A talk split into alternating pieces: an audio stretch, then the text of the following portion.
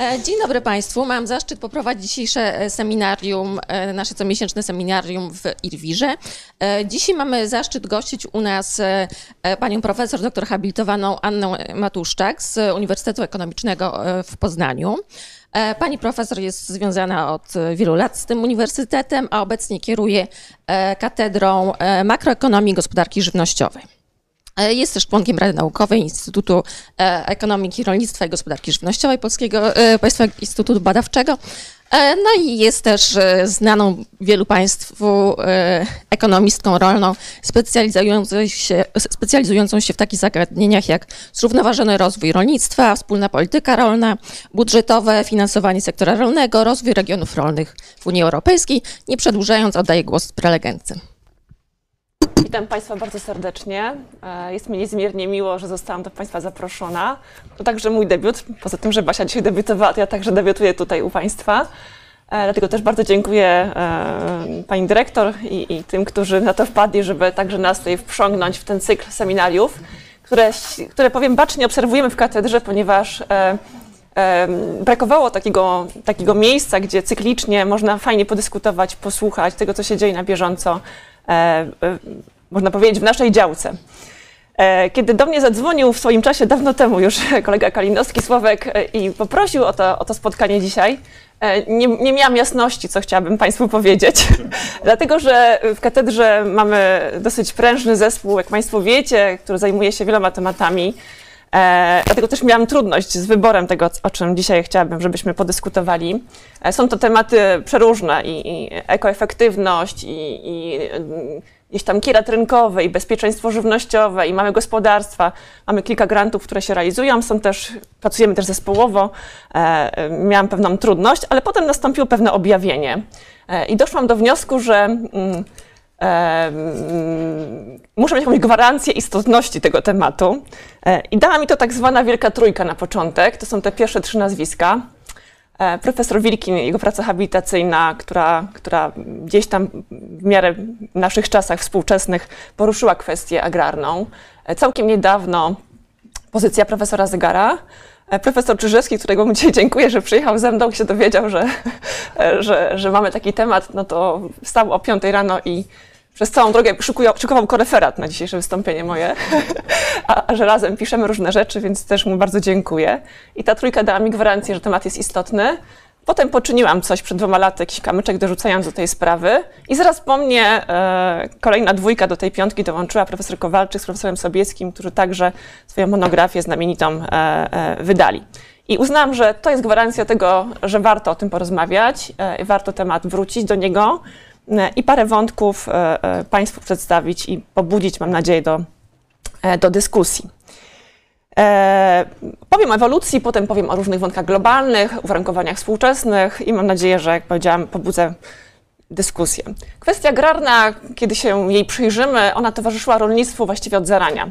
Kiedy spojrzymy na rolnictwo czasów, nie wiem, starożytnych, e, to już ten problem gdzieś był, gdzieś, gdzieś był notowany, gdzieś, gdzieś można powiedzieć był obecny, E, ale pierwotnie jego wymiar był raczej ustrojowy, e, sprowadzający się generalnie do deprecjacji dochodowej chłopów. E, To wynikało oczywiście z uwarunkowań w dużej mierze warunkowanych ustrojowo, e, a związanych przede wszystkim z kwestią, ktoś mi tu majstruje, e, stosunków oczywiście, mm, e, mogę prosić, żebym ja była w stanie to przerzucać? No dobra.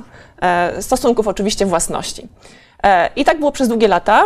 E, Dosyć mocno sprawę zmieniła mm, pierwsza rewolucja przemysłowa, dlatego że mm, pewne zmiany nastąpiły w stosunkach produkcji w rolnictwie. Rodzący się przemysł potrzebował oczywiście rąk do pracy, kapitalizm siły roboczej, a jednocześnie surowców. E, I to istotnie zmieniło e, te ramy, e, a przede wszystkim jakby spowodowało konieczność włączenia gospodarstw rolnych w ramy właśnie gospodarki towarowo-pieniężnej. Tym, co było istotne, to było, to było oczywiście ważne, ale też kłopotliwe, to był istotny postęp techniczny, który się zrodził w przemyśle. On się upowszechniał, oczywiście nierówno i docierał do sektorów, do sektora rolnego, ale w pewnym ograniczonym zakresie, o czym jeszcze powiem. I to rodziło coś, co było problemem, ponieważ rodziło dystans. Dystans, który następnie był, mm, był przyczyną konsekwencji problemów dysproporcji ekonomiczno-społecznych, które dotyczyły, mm, dotyczyły rolnictwa. E, jasne jest to, że ten dystans rozwojowy, można powiedzieć, e, zrodził jakby taką, był takim praźródłem czy, czy, czy przyczyną e, nowożytnej ekonomii problemów, które się wokół rolnictwa krążyły, które koncentrowały się, dotyczyły kwestii agrarnej. E, generalnie myślę, że można powiedzieć, że rolnictwo oczywiście nie miało wyjścia, także musiało podążać e, ku kapitalizmowi. E, I te ścieżki były bardzo różne. Profesor Sobiecki z Kowalskim wskazują na ścieżkę angielską, francuską, pruską, osadniczo osadniczo kolonialną, ale ich wspólnym, można powiedzieć, mianownikiem był niestety wyzysk ekonomiczny. I w ten sposób te pierwsze przejawy można, można podsumować. Tak jak powiedziałam, mm, cała masa wyzwań stanęła przed rolnictwem e, rodzącej się drugiej RP. E, postęp techniczny mm, marginalnie także do rolnictwa się przenosił, głównie jeżeli chodzi o sposoby produkcji, e, używane w nim narzędzia. I to spowodowało, to trzeba przyznać, wzrost, nawet w pewnym sensie skokowy wydajności produkcji roślinnej zwierzęcej. Ta podaż żywności się zwiększała, też były coraz większe potrzeby następowała pewna specjalizacja.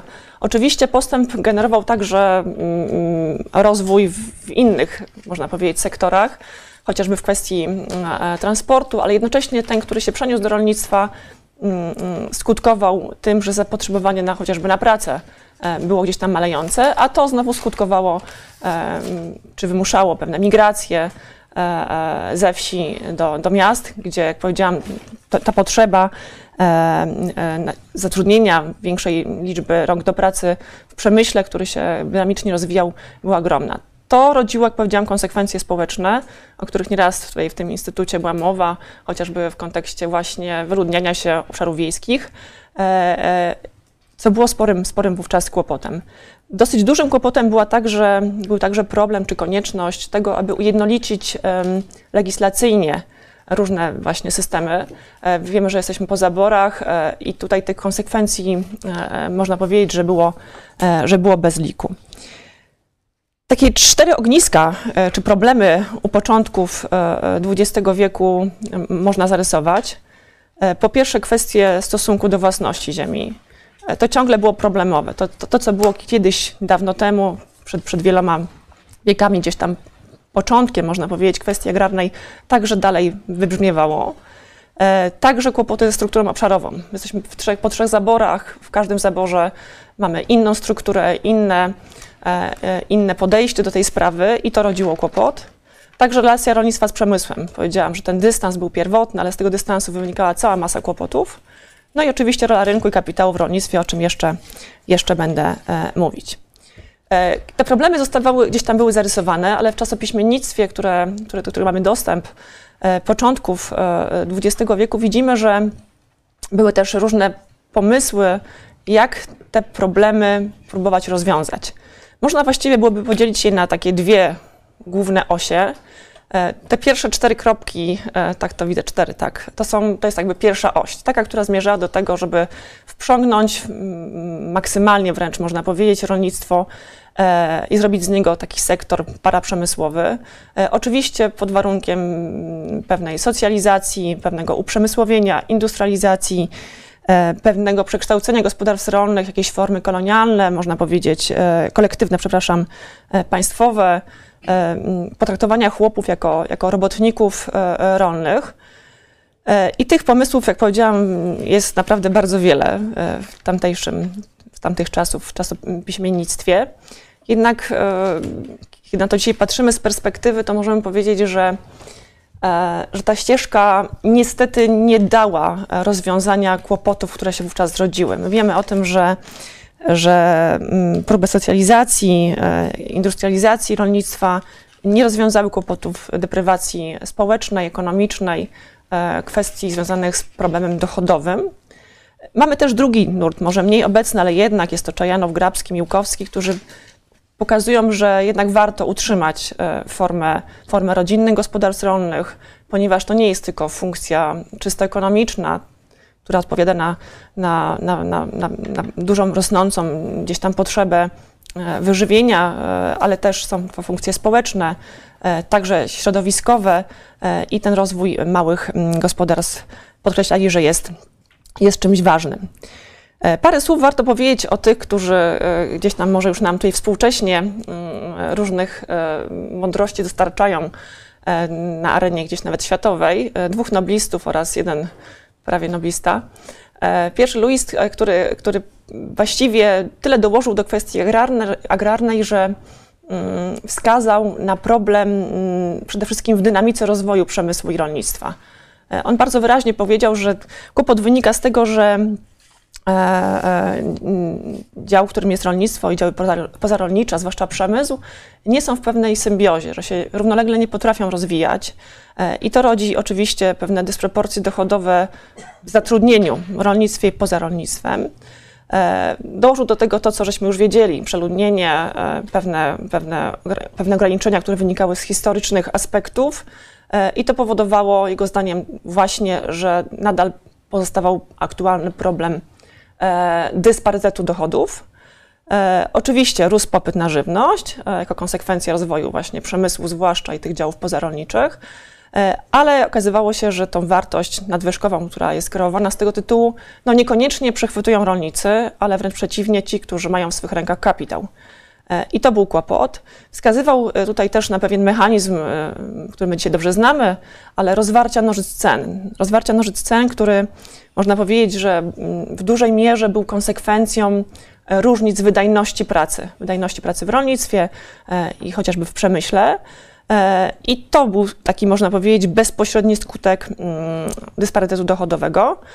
I wskazał wprost, że, że rynek tego sam nie rozwiąże, że to musi być po prostu jakieś działanie, które będzie wynikać z działania chociażby instytucji, chociażby instytucji państwa, E, które będzie miało szansę w jakiś sposób to e, ograniczyć.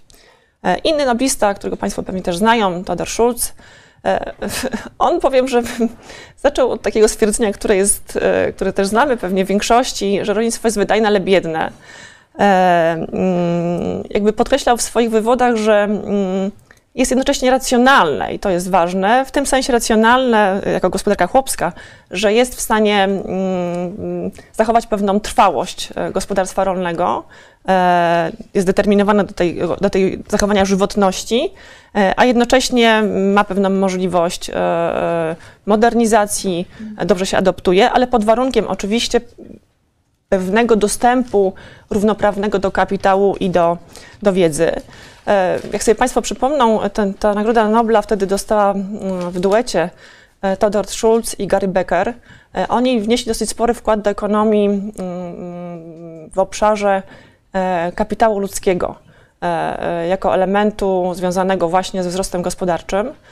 I także ten wątek tutaj ważny właśnie w kontekście rolnictwa, w tym aspekcie, że to też są ważne elementy wzrostowe, czyli innowacje i kapitał ludzki. To były długie wywody, e, ale przypisywali właśnie kapitałowi ludzkiemu, e, jego wartości, jego, jego poziomowi e, dużą, istotną rolę we wzroście. Warto powiedzieć, że jakby odeszli od tych czynników pierwotnych, czyli pracy ziemi, kapitału i postępu, na rzecz tych, które są gdzieś, można powiedzieć, pewną nadbudową tych klasycznych. Jeżeli chodzi o tego jeszcze trzeciego, o którym warto, myślę, wspomnieć, to, to Stiglitz oczywiście E, Stiglitz e, powiedział tak, kwestia agrarna właściwie jest faktem. Nie ma co tutaj dyskutować. E, podążając historią dziejów, każdy ją widzi.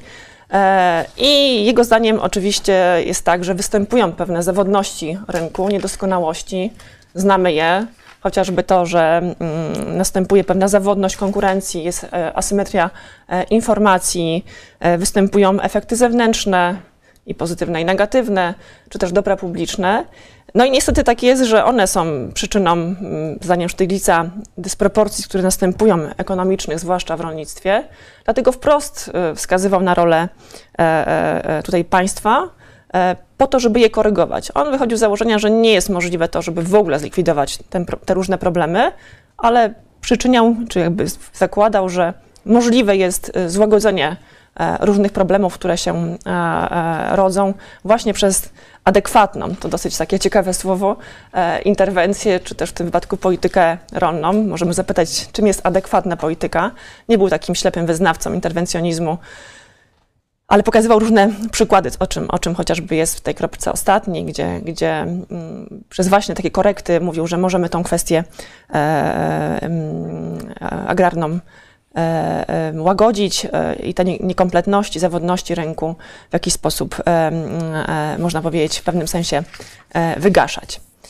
Jeżeli chodzi o polską myśl agrarną, bo o niej też warto wspomnieć, a, przepraszam, to myślę, że można ją do takich czterech wątków sprowadzić. Po pierwsze, pewnej potrzeby dostosowania zasobów pracy do tego, jaki jest potencjał ziemi uprawnej. Po drugie, wątek ważny, który też w wielu pracach został podniesiony, to kwestia e, wkładu akumulacyjnego do rozwoju przemysłu, e, który w dużej mierze utożsamiano z drenażem nadwyżki ekonomicznej. E, drenażem nadwyżki ekonomicznej z rolnictwa do działów pozostałych. Ten wkład faktycznie, o czym jeszcze będę mówić, był ważny dla przemysłu, a jednocześnie na tyle wydrenował rolnictwo, że ono pewne problemy zostały jeszcze mocniej gdzieś tam uwypuklone. Też ważne, że w tej, e, tej, w tej myśli zauważalne są wątki, które wcześniej niekoniecznie wybrzmiały, to znaczy e, chociażby kwestie mm, funkcji pozarolniczych, e, które, które w rolnictwie, czy pozaprodukcyjnych może tak, które w rolnictwie dostrzegamy, dostarczyciela dóbr publicznych, mm, funkcji związanych z zachowaniem środowiska.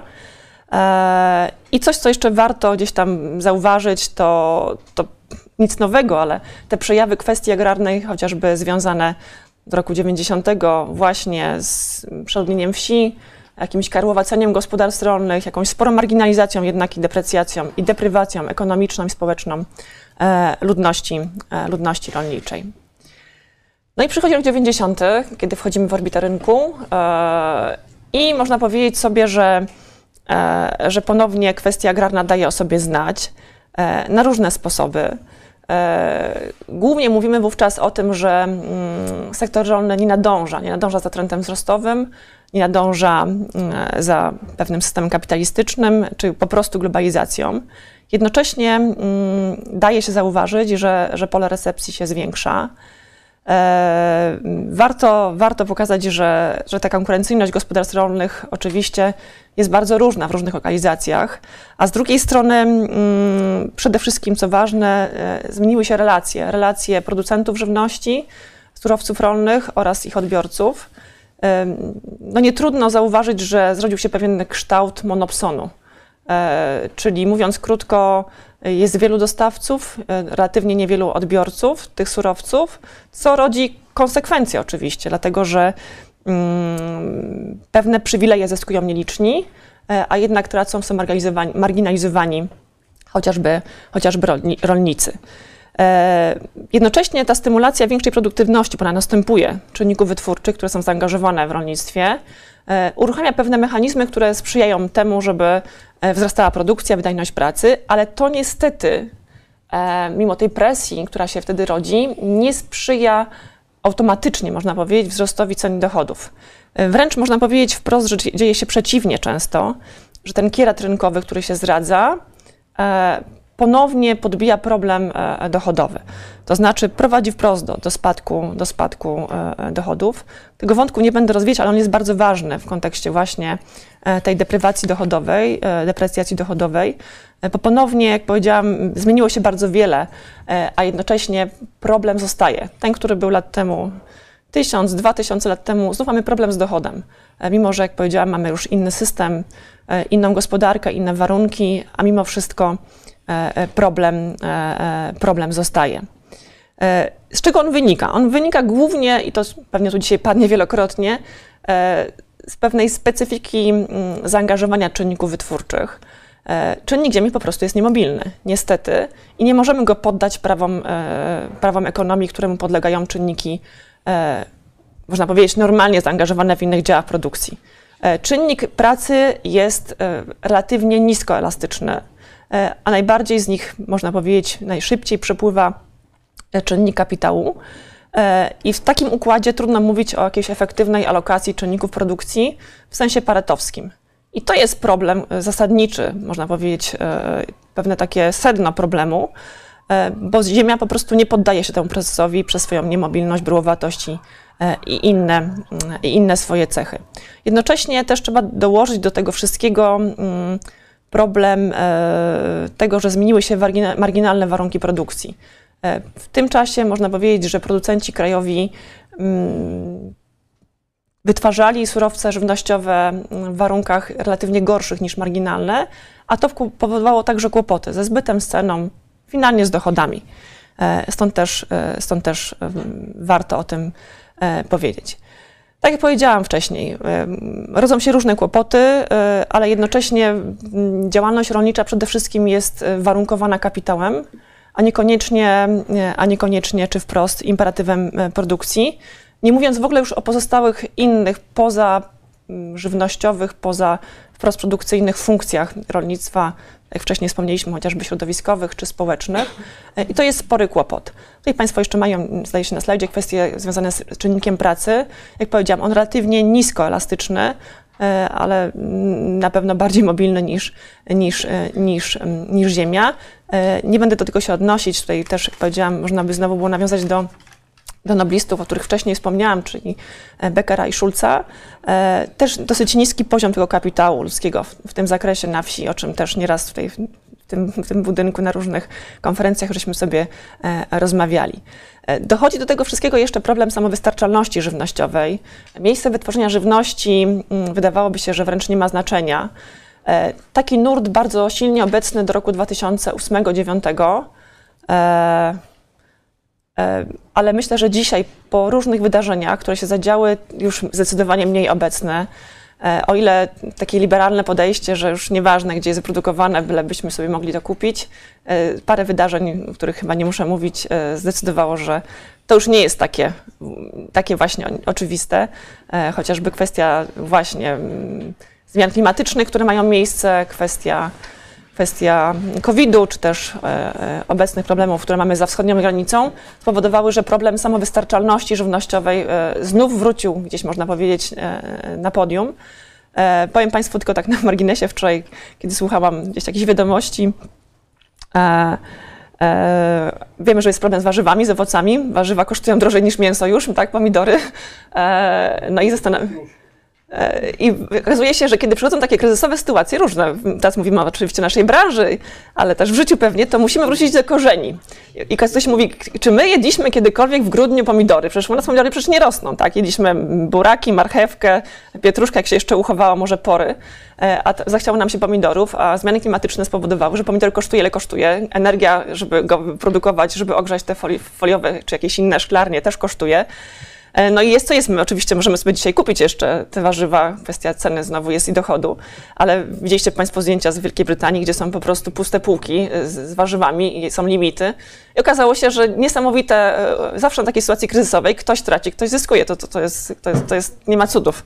I okazuje się, że oczywiście o ile handlarze warzywami na wyspach mocno, mocno płaczą, e, to konsumenci wymyślili, że trzeba wrócić do korzeni, więc triumfy święcą producenci nasion. Wzrost sprzedaży nasion, e, takich do ogródka, wzrósł w Wielkiej Brytanii podobno dwukrotnie nawet w niektórych jakichś tam miejscach i ludzie kupują namiętnie te nasiona, będą sami produkować sobie e, pomidory, ogórki i inne warzywa dostosowane do ich klimatu. Więc myślę sobie, że te problemy gdzieś tam znowu właśnie takim przerywnikiem tu e, wybrzmiewają. Jeżeli chodzi o kwestię, proszę Państwa, e, ewolucji e, źródeł kwestii agrarnej, konsekwencji, jej konsekwencji, e, myślę sobie, że trzeba powiedzieć sobie jasno, że ona była zawsze wielowymiarowa, e, ponadczasowa, nieprzemijalna, można powiedzieć, że wręcz trwała w pewnym sensie.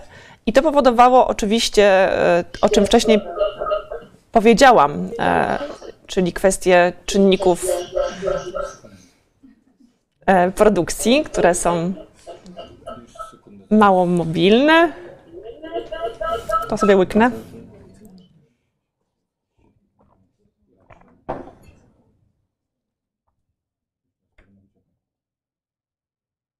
Jest ok?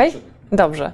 E, co wynika, jak powiedziałam, z, zaangażowanych e, czynników produkcji, których nie idzie alokować w sensie ekonomicznym e, efektywnie, w sensie Pareto oczywiście, ale warto powiedzieć sobie, że że to powodowało pewną systemową dyskryminację rolnictwa, które oczywiście mm, relatywnie było słabe w warunkach deprywacji dochodowej, marginalizacji gospodarstw rolnych, czy też depopulacji obszarów wiejskich.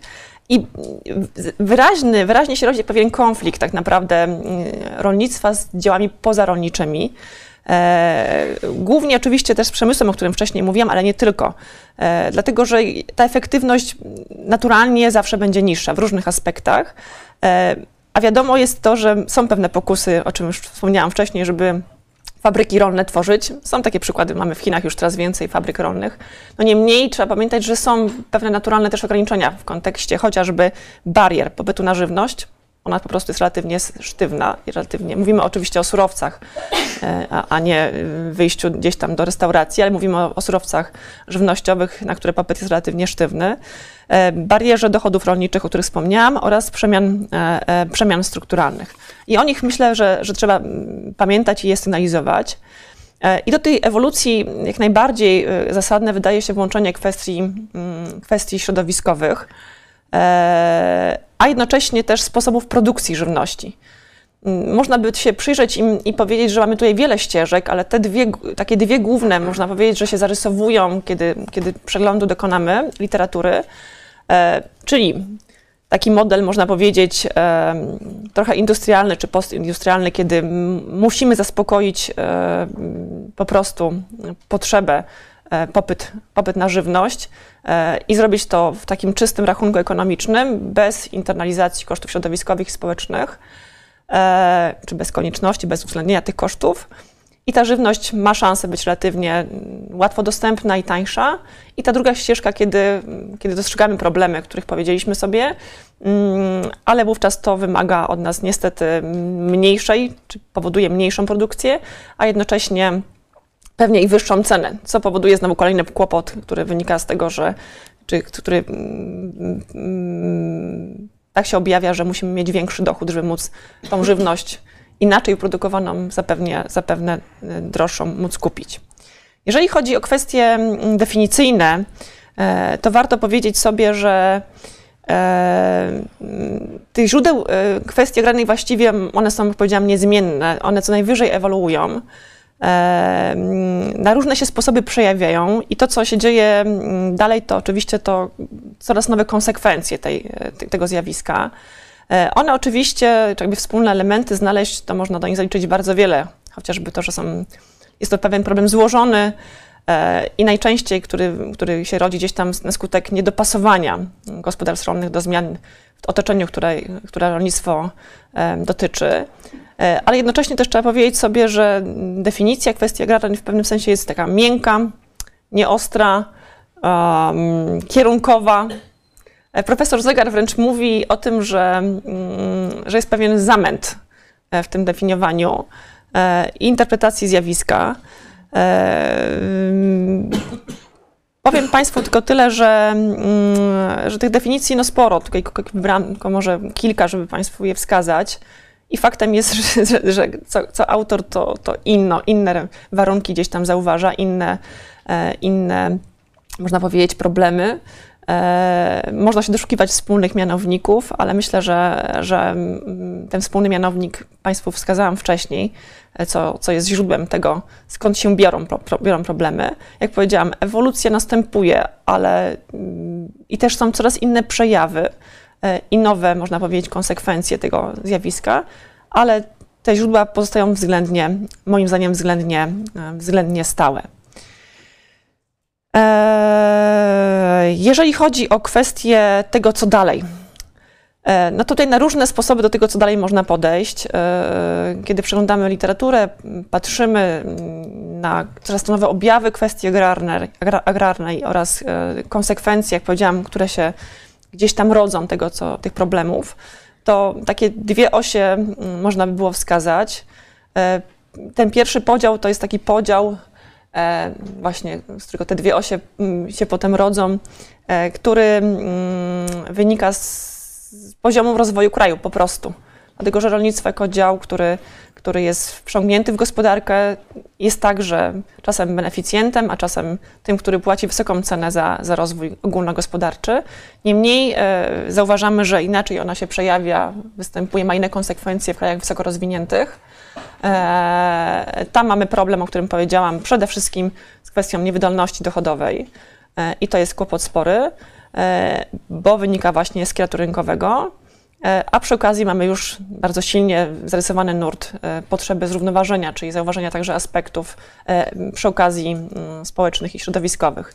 Inaczej ma się w, w krajach nisko rozwiniętych, gdzie głównie dotyczy niewydolności produkcyjnej i kłopotów związanych chociażby z głodem e, i kryzysem żywnościowym.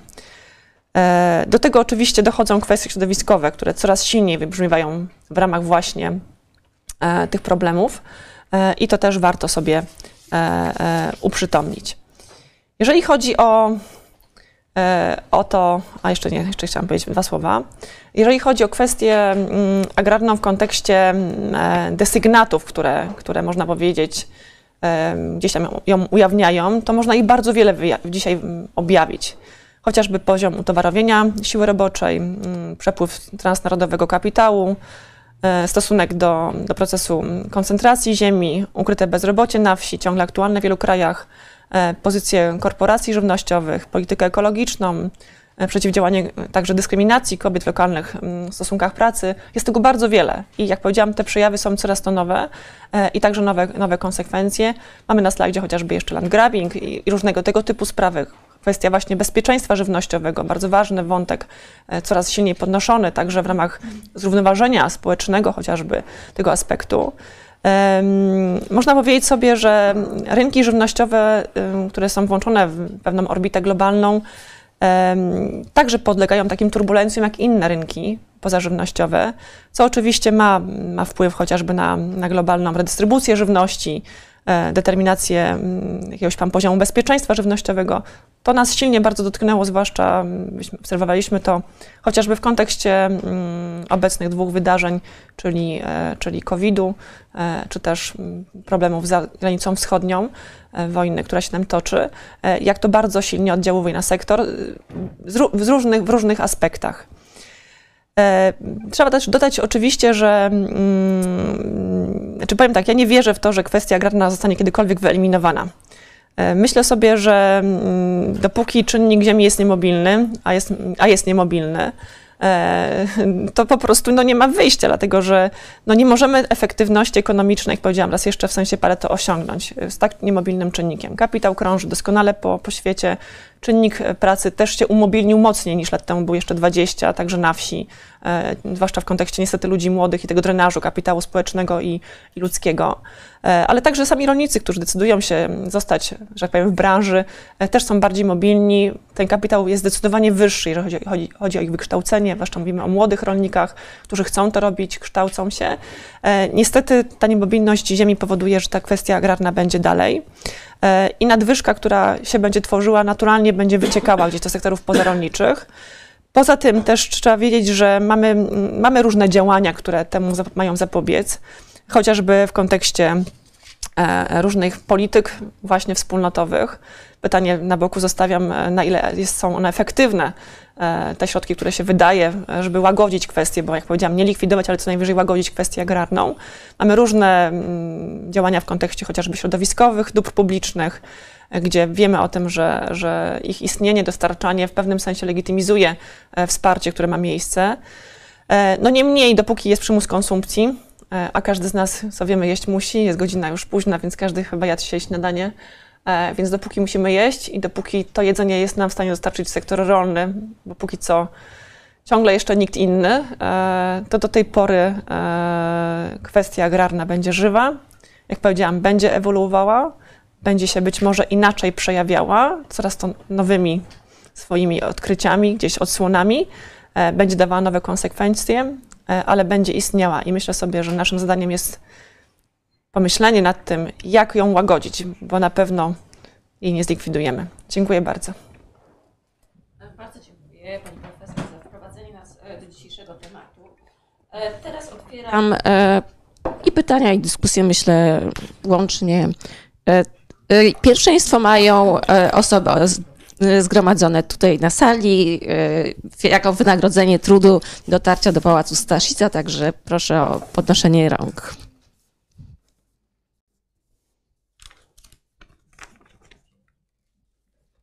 Skierowane na profesora. Profesor jest dobrze przygotowany, bo jechaliśmy 3,5 godziny i pisał przez całą drogę. Tak. Tak, była zapowiedź, więc Słychać, słychać bez Nie, nie, nie, musi być, bo to do internetu. Dziękuję bardzo, ponieważ e, nie ma chętnych, a ktoś musi Zacząć? dyskusję. Więc e, pierwsza e, kwestia. Jak pani sądzi, czy mm, cała ta kwestia e, agrarna nie wiąże się z procesem przechodzenia y, od rolnictwa do innych, do innych działów y, i związane z tym procesy. Jeszcze w połowie XIX wieku w Stanach Zjednoczonych ponad 70% siły roboczej było związane z rolnictwem. W Europie ten odsetek był jeszcze y, większy i y, dynamiczny rozwój przemysłu y, spowodował odchodzenie ludności z tych terenów wiejskich i te problemy z tym związane y, właśnie czy mają charakter ekonomiczny czy społeczny. Według mnie w większym stopniu mają charakter społeczny. Wiążą się właśnie y, z tymi y, przemianami i koniecznością y, zmian i odchodzeniem ludzi z rolnictwa. E, To jest pierwsza kwestia, czyli właśnie ta w większym stopniu kwestia agrarna to ma charakter społeczny, czy też, czy też ekonomiczny. Y, Kwestia y, następna. Mm, Tutaj pani y,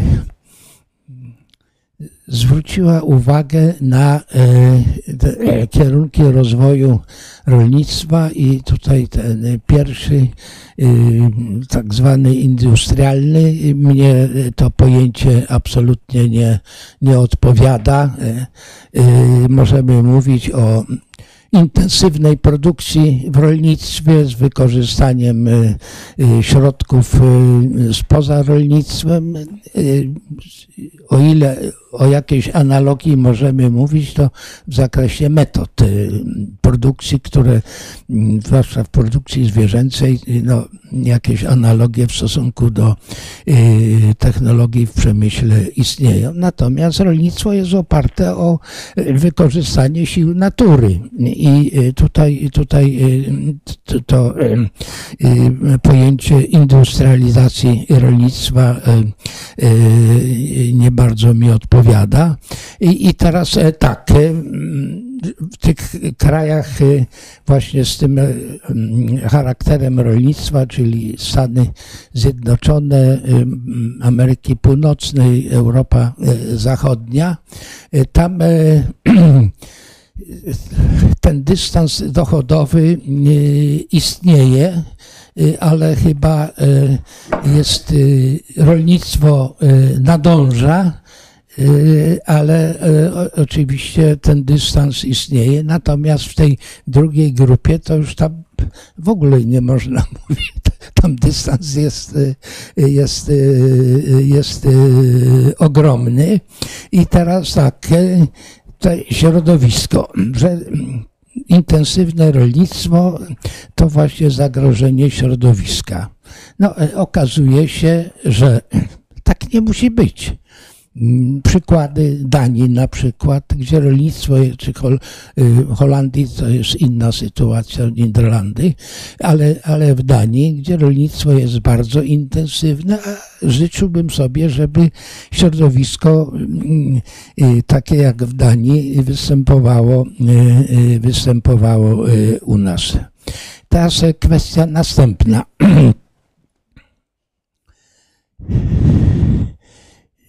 mechanizm rynkowy jest y, niesprawny, niewydolny y, i w związku z tym zachodzi, y, zachodzi interwen- potrzeba interwencji.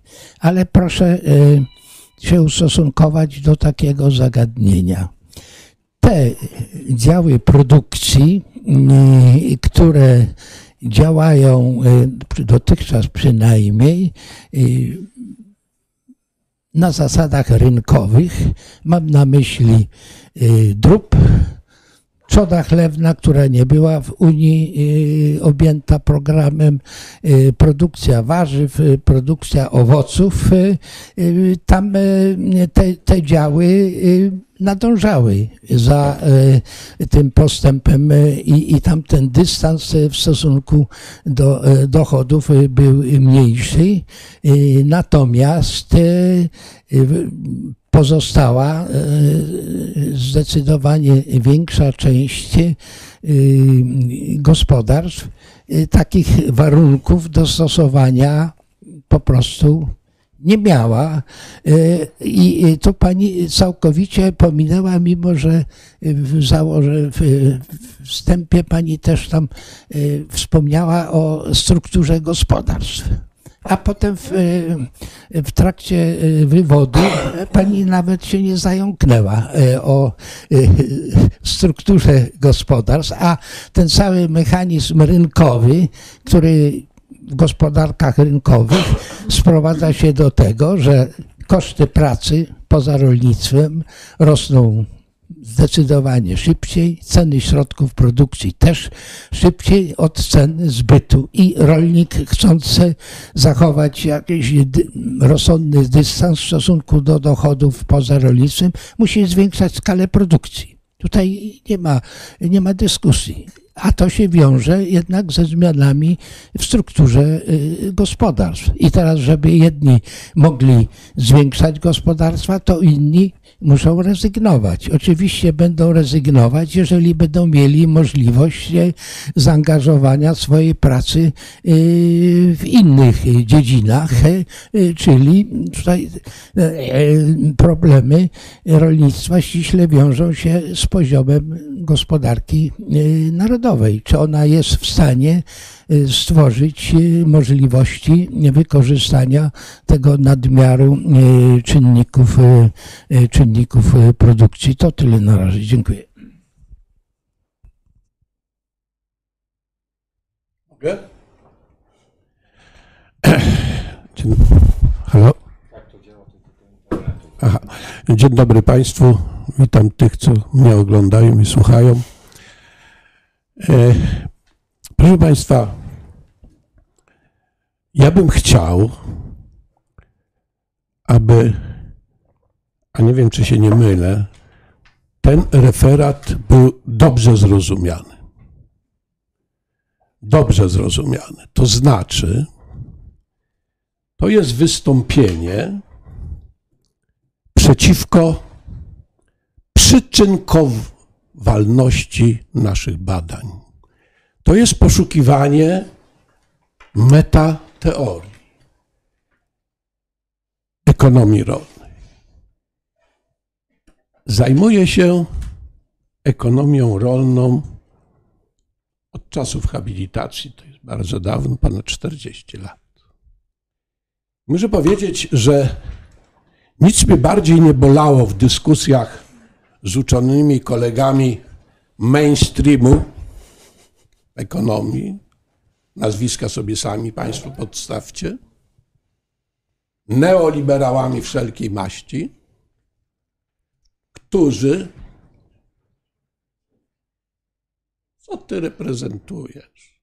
To są wszystko preteoretyczne badania, przyczynkarskie badania. Jakieś struktury pokazujecie, jakieś, prawda, y, efekty które są raz są, a innym razem nie ma. Otóż po części mieli rację, że mamy jako środowisko pewne kompleksy.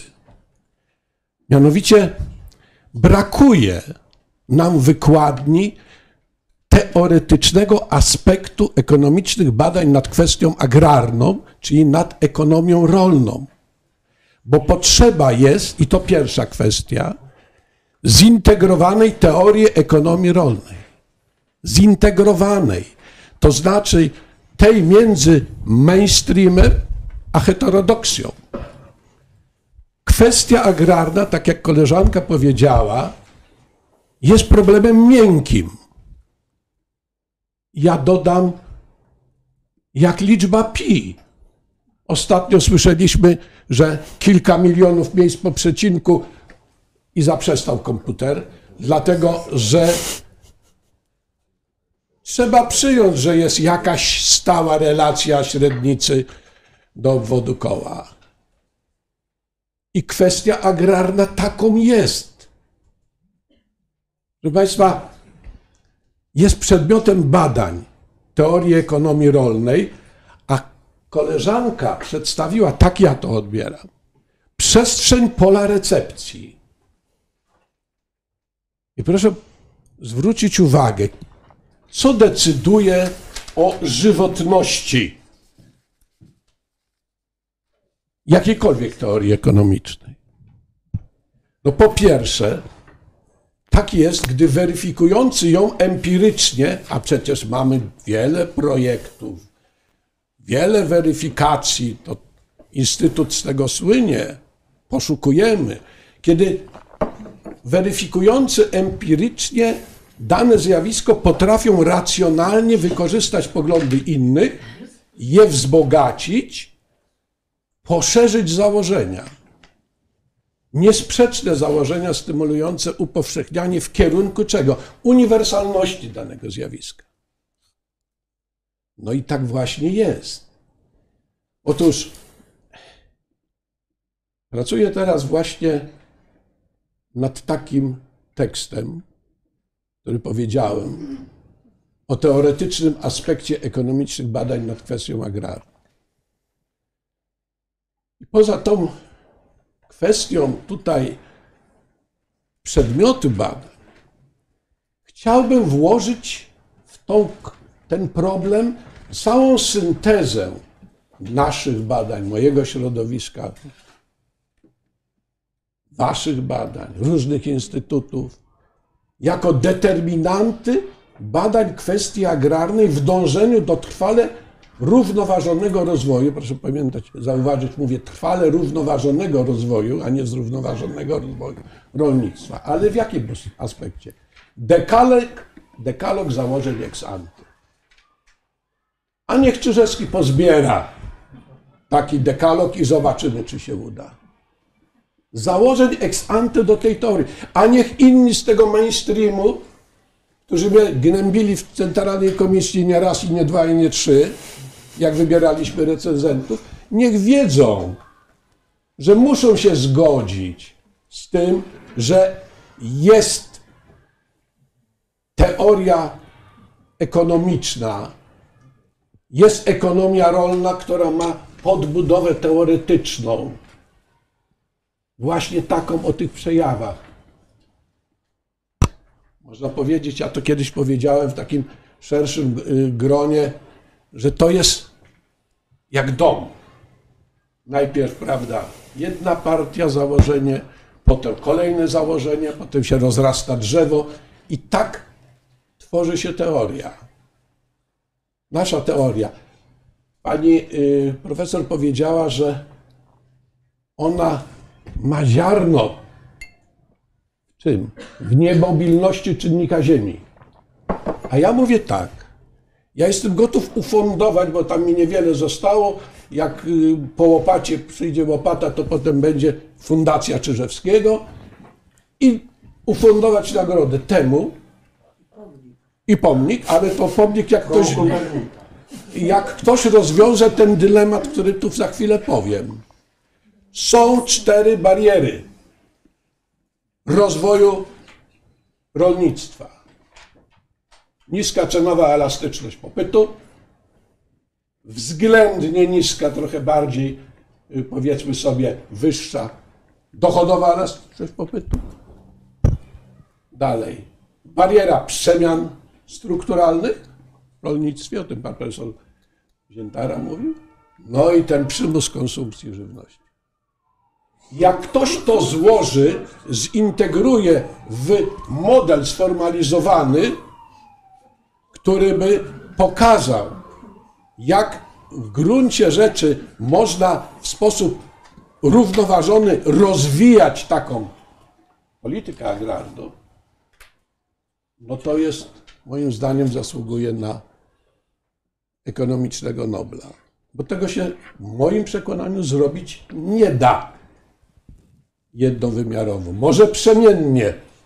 Raz to, raz tamto, raz taki przyczynek, raz inny przyczynek, ale to wszystko musi się mieścić w jakiejś teorii.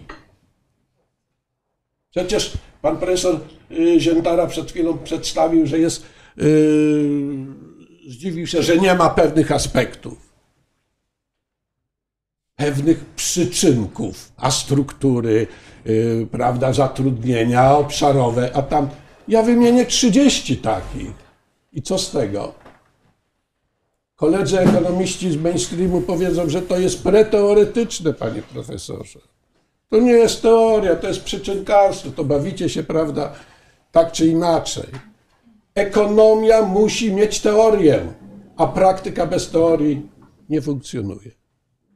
Ja tak odbieram wystąpienie koleżanki, jako w tym kierunku idące, właśnie w tym kierunku, żeby po prostu znaleźć wspólny mianownik tego, czym są w gruncie rzeczy czynniki produkcji w naszym zakresie, gdzie determinantą żywności jest ziemia.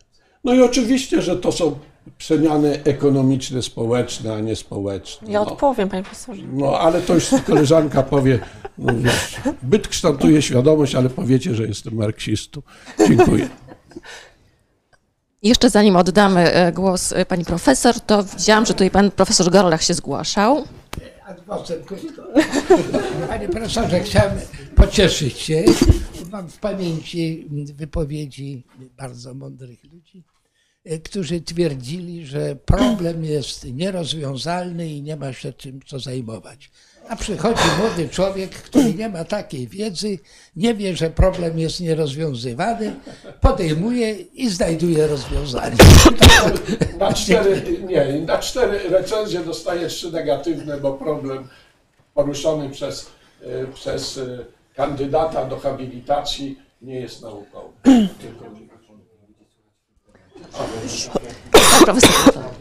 Ja może wstanę, żeby e, widzieć prelegentkę i żeby prelegentka mnie widziała. Bardzo ciekawy y, był to referat, ale troszkę mi zabrakło. Tak, czy troszkę mnie, mm, znaczy ja go rozumiem, ponieważ pani jest ekonomistką, że on był taki, taki redukcjonizm ekonomiczny w ujęciu tego problemu. Ja się troszkę zajmowałem kiedyś dawno kwestią e, agrarną w Polsce pod hasłem kwestia chłopska, więc tam były oprócz tych czynników ekonomicznych były i społeczno-kulturowe i polityczne. Prawda? Troszkę potem zajmowałem się też kwestią agrarną w Stanach Zjednoczonych, ale w tym okresie, kiedy Stany przeżywały, przeżywały tak zwany e, farm crisis, lata 70., 80., em, gdzie część amerykańskich socjologów, bo jestem socjologiem, więc nie ekonomistą, twierdziła, że to jest tylko kryzys, bo kwestia agrarna to jest coś, co było historycznie, to coś, co się skończyło, kiedy się świat zachodu uprzemysłowił, czyli powiedzmy sobie pierwsza połowa XX wieku. I to się skończyło. Niektórzy twierdzili, że nie. Filipa McMichaela pani tam wymieniła jedną z definicji, a mm, jego kwestie rolne, on uważał właśnie, że, tak, że, że to nie jest kryzys, farm crisis, tylko kwestia rolna. Zdefiniował tak, z tym, że on to bardzo politycznie definiuje ta, w, jego, w jego rozumieniu. I jego propozycja rozwiązania kwestii rolnej to jest koncepcja tak zwanego, ja nie będę o tym dużo, długo mówił wiele, tak zwanego contested development, czyli takiego rozwoju oprotestowanego, rozwoju, w którym biorą udział ci, e, których te decyzje dotyczące rozwoju dotyczą, Dotyczą. krótko i wyłącznie. Ale od innej, o innej kwestii chciałem zwrócić uwagę, ponieważ e, pani powiedziała, że właściwie najważniejszym problemem to jest ten problem ziemi, prawda, która jest takim specyficznym czynnikiem produkcyjnym innym niż wszystkie. Tam było takie ujęcie bryłowatość. Niemobilność i bryłowatość. Bry, bryłowatość. Y, czy jest w takim razie możliwe i czy na przykład, nie wiem, e, zrobić tak, aby wytwarzanie żywności uniezależnić od tego czynnika? No, to panu tego Nobla trzeba wtedy dać, jak pan Nie, nie, nie. Ja kiedyś y, czytałem trochę publikacji na temat tak zwanych aquacultures. Tam wytwarzanie rozmaitych produktów, które następnie są przetwarzane po to, żeby, żeby, żeby zamienić je na artykuły żywności, więc być może to jest jakaś efekt. A na serio mówiąc, to chciałbym, żeby pani może króciutko oceniła, czy te zabiegi dotyczące no nie zlikwidowania, ale łagodzenia kwestii rolnej w Europie, na przykład przez instrumenty wspólnej polityki rolnej, a teraz przez tą, ten projekt tego nowego Zielonego Ładu. Czy pani, jakby pani to oceniła jako eko- ekonomistka, czy to jest, że tak powiem, szansa na jakieś złagodzenie tych, tych problemów, o których pani mówiła, omawiając kwestię rolną? Dziękuję bardzo. Dziękuję bardzo. E, Zanim oddam głos pani profesor, zachęcam także państwa, którzy e, są z nami online do zadawania pytań i zabierania głosu w dyskusji. A teraz głos oddaję pani profesor. To może według kolejności panu profesorowi Ziętarze najpierw odpowiem. E, Pierwsze pytanie, które pan profesor zadał, e, czy mówimy bardziej o charakterze społeczno-ekonomicznym, czy społecznym, czy ekonomicznym? Pierwsza myśl, która mi się nasunęła, kiedy pan profesor mówił o tym, to, że ekonomia jest nauką społeczną. E, I taki, taki rozdział, e, czy, czy to jest ekonomiczny, czy bardziej społeczny, e, no dla mnie jest bardziej ekonomiczne i to jest dla mnie przyczyna, a później konsekwencje są właśnie społeczne i środowiskowe. I tam taki przykład. Może nie wszyscy z Państwa kojarzą, mamy takie w okolicy dosyć duże gospodarstwo rolne w Karolewie. To jest takie gospodarstwo, sobie Państwo wyobraźcie, które jest w warunkach polskich na nutę amerykańską zrobione i funkcjonuje tam już lat, no sporo, chyba z 20. Powstało w ten sposób, że przyjechał e, właśnie ze Stanów Zjednoczonych e, e, pewien człowiek i wymyślił sobie, że zrobi to tak, jak robią Amerykanie. Czyli zrobi ogromne. Oni, nie wiem ile jest dzisiaj w ich rękach, jakim, jakim władają, ale jeszcze niedawno to było kilka tysięcy hektarów. Oni mieli swoje zasoby ziemi, plus jeszcze mnóstwo dzierżaw, którymi, którymi gdzieś tam zarządzali. I do czego doszli? To były niesamowite obserwacje, Państwo sobie pomyślcie, lat temu e, około 20 startowali. E, Powiedzieli tak, że mają bardzo dobrze ekonomicznie wyliczone, ile potrzebują ludzi, żeby to gospodarstwo, to były mm, oczywiście uprawy polowe, e, głównie rzepak, ale także różne zboża, żeby je obrobić. Okazywało się, że potrzeba bardzo niewiele, tam jeszcze był taki system uprawy bezorkowy, że trzeba dosłownie kilkanaście osób, żeby móc to wszystko jakoś tam zasiać tym ich sposobem, potem zebrać. Świetny sprzęt, wszystko. Ale co to powodowało? Oni powiedzieli, że od razu zauważyli kłopoty przede wszystkim społeczne. Dlatego, że jeżeli jest w, jakiejś okolicy, to było na południe od Poznania dokładnie, gdzieś tam w okolicach Dolska, jest kilka tysięcy hektarów w jednym ręku i potrafi to mm, pracowników najemnych obrobić tam dokładnie 12 wtedy było, to pytanie, co zrobić z tą ludnością, która żyje w tych okolicach, w tych wsiach?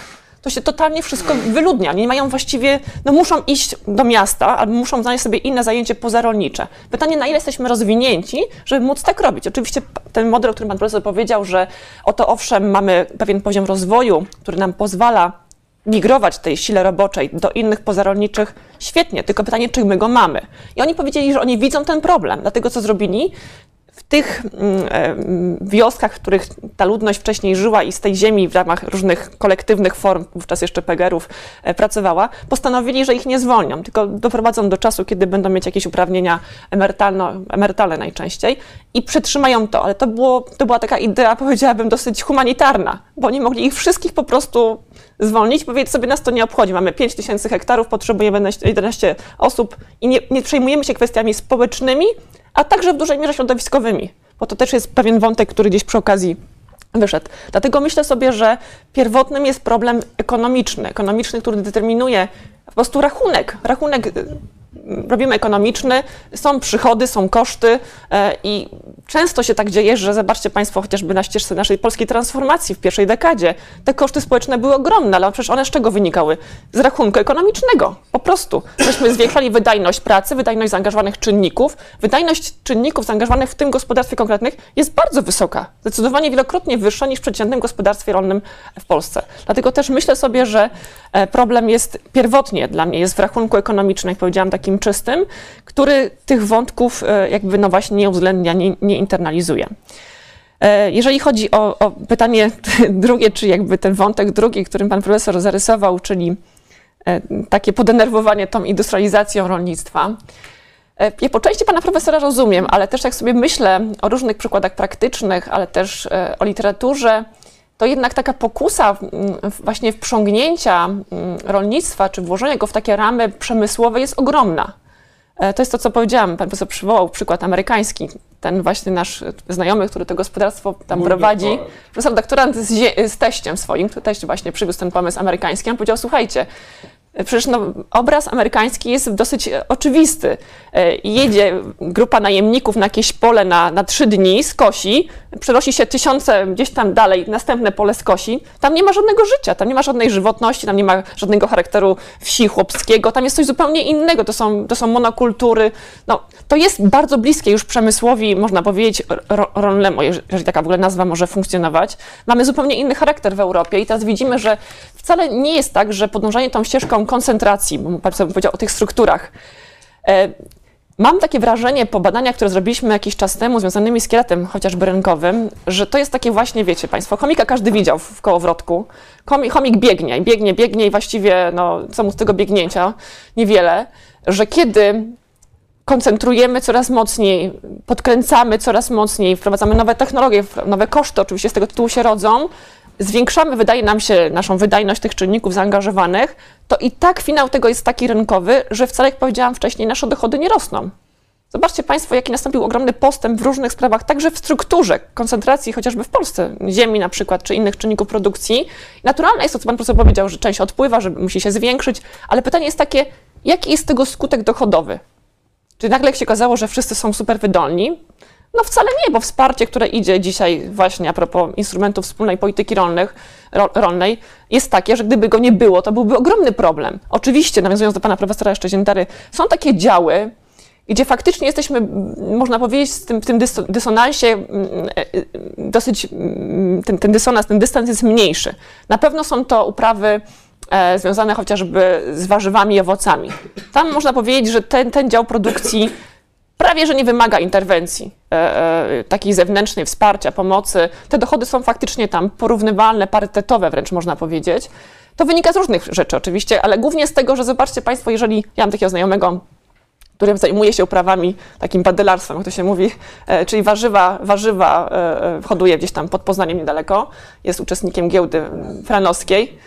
E, I zaczyna się od czego? Zaczyna się oczywiście tunele, ma bardzo niewiele ziemi, żeby była jasność. On ma tam 3 hektary może raptem, tak? Ale on tą ziemię tak eksploatuje i tak robi to wielokrotnie w ciągu roku, że on ma faktycznie sensowny dochód, żyje na bardzo dobrym poziomie. Rzodkiewki, sałaty zaczyna, później następne jakieś warzywa i kończy gdzieś tam w końcu jakieś tam pora, pora coś tam jeszcze innego sadzi. On wielokrotnie z tej ziemi tak naprawdę potrafi zebrać plon. A zobaczcie Państwo, co się dzieje z, nie wiem, z gospodarstwami, Pan profesor dobrze wie, e, zbożowymi. Mamy, mamy landy, landy wschodnich Niemiec, gdzie są przeogromne, jeden z największych gospodarstw e, tego typu produkcji w Europie. Czy one są dochodowe? To jest, to jest, tam, jest, tam jest tragedia dochodowa. Mimo, że są skoncentrowane, tej ziemi w tych rękach jest bardzo wiele, ale efektywność ekonomiczna tego jest bardzo niewielka. Dlatego też wracam do tego, że jednak przyczyną mimo wszystko jest niemobilność czynnika ziemi, oczywiście połączona z przymusem konsumpcji, a jednocześnie kierat rynkowy powoduje, że ten ruch w kierunku właśnie, jak to nazwać, nie wiem, może większej intensyfikacji produkcji, niekoniecznie daje te efekty pożądane w takim wymiarze ekonomiczne. E, I częściowo się zgodzę z tymi kwestiami środowiskowymi, a częściowo nie. Bo nie można powiedzieć, że ci, którzy są intensywni, duzi, to zawsze trują, bo to, tak, tak nie jest już dzisiaj. To w kontekście też trochę do pytania, w kontekście Zielonego Ładu są takie ramy narzucone, można powiedzieć, do produkcji, że no dzisiaj nie sposób prawie być, no wiadomo, że rolnictwo ma ogromny wkład w emisję gazów i tak dalej, w te wszystkie problemy środowiskowe, ale dzisiaj, kiedy chcemy uczestniczyć w tej orbicie mm, wspólnej polityki rolnej i mieć z tego profity, no a się przyzwyczailiśmy bardzo mocno, już nie sposób sobie wyobrazić, że ich nie mamy, to musimy też pewne, pewne wymagania spełniać. Ale Duńczycy, o których pan profesor powiedział, oni dzisiaj wyglądają dobrze, ale Państwo sobie przypomnijcie początki e, e, Duńczyków, którzy na dosyć małym obszarze produkowali e, ogromne, ogromne, mm, jedne z, z największym producentem, producentem są mm, żywca wieprzowego w Europie. I pytanie było, co robić z tą gnojowicą. Co było robić z tą gnojowicą? Co robili Duńczycy? No wylewali na pole, ale ile pole może pochłonąć gnojowicy, przepraszam najmocniej, tak? Zwłaszcza kiedy jest trochę zimniej. Raz można to wyleć w ciągu roku. Koło mnie mieszkam i wylewają raz w roku. Ale potem był problem, bo to spływało do rowów i zaczynało się, tak? Eutrofizacja, wytrucie, no i były problemy środowiskowe. I, i, I to były ogromne kłopoty, więc to tak do końca chyba nie jest, że no dzisiaj jest to już zupełnie na innym poziomie i na, na innym etapie rozwoju, że to zawsze idzie w parze i, i ze sobą się zgadza. E, także tutaj a propos tej, tej industrializacji, której pan profesor nie chce słuchać, e, to myślę, że wróciłabym do tego kieratu rynkowego. Dosyć dobrze jest opisany teoretycznie. E, myślę, że też ciekawie przebadany w różnych badaniach na świecie, także po części naszych. I wskazuje na to, że ta ścieżka, no mimo wszystko nie jest najlepszą ścieżką w kontekście, jak powiedziałam, zwłaszcza ekonomicznym, a w konsekwencji także społecznym i środowiskowym. E, jeszcze to pytanie do pana, który pytał o łagodzenie. Ja myślę, że mm, to łagodzenie bardzo wyraźnie widać przez instrumenty wspólnej polityki rolnej. E, wiadomo, że nie wszystkich przejawów, bo to się nie da po prostu. Ale jeżeli zaczniemy od tego, który jest jakby najbardziej bolesny, dotkliwy i się ciągnie za nami już od początku czy zarania, czyli kwestia dochodowa. Tak jak powiedziałam, no nie wyobrażamy sobie dzisiaj chyba tego, żeby nagle ktoś nam dopłaty zabrał do rolnictwa, prawda? E, jak spojrzymy na różne dane ekonomiczne FADN-u, to widzimy, że są takie lata, gdzie te dopłaty stanowią czasem niemal dwie trzecie e, dochodu. I proszę teraz powiedzieć rolnikowi, że mu zabierzemy, bo, bo się kończy wspólna polityka rolna. Na początku nie chciał tego brać, bo to za darmo dawali, to, było podejrzane, a dzisiaj nie jest w stanie właściwie bez tego, bez tego przeżyć. E, I to jest pierwszy taki, można powiedzieć, taki bardzo wymierny, ekonomiczny czysto mm, e, instrument, który, który łagodzi na przykład właśnie kwestię dysparytetu dochodowego, bo ten faktycznie ten parytet, szkoda, że dzisiaj nie ma z nami profesora Zegara, który musiał wybrać inną destynację, e, ale on bardzo wyraźnie pokazał w swoich badaniach, że no, ten parytet dochodowy faktycznie, e, dysparytet dochodowy faktycznie, można powiedzieć, złagodniał. E, on nie jest dalej wyrównany, ale, ale w tych warunkach europejskich, e, warunkach europejskich, gospodarstw rolnych, rodzinnych faktycznie się ta dysproporcja zmniejszyła.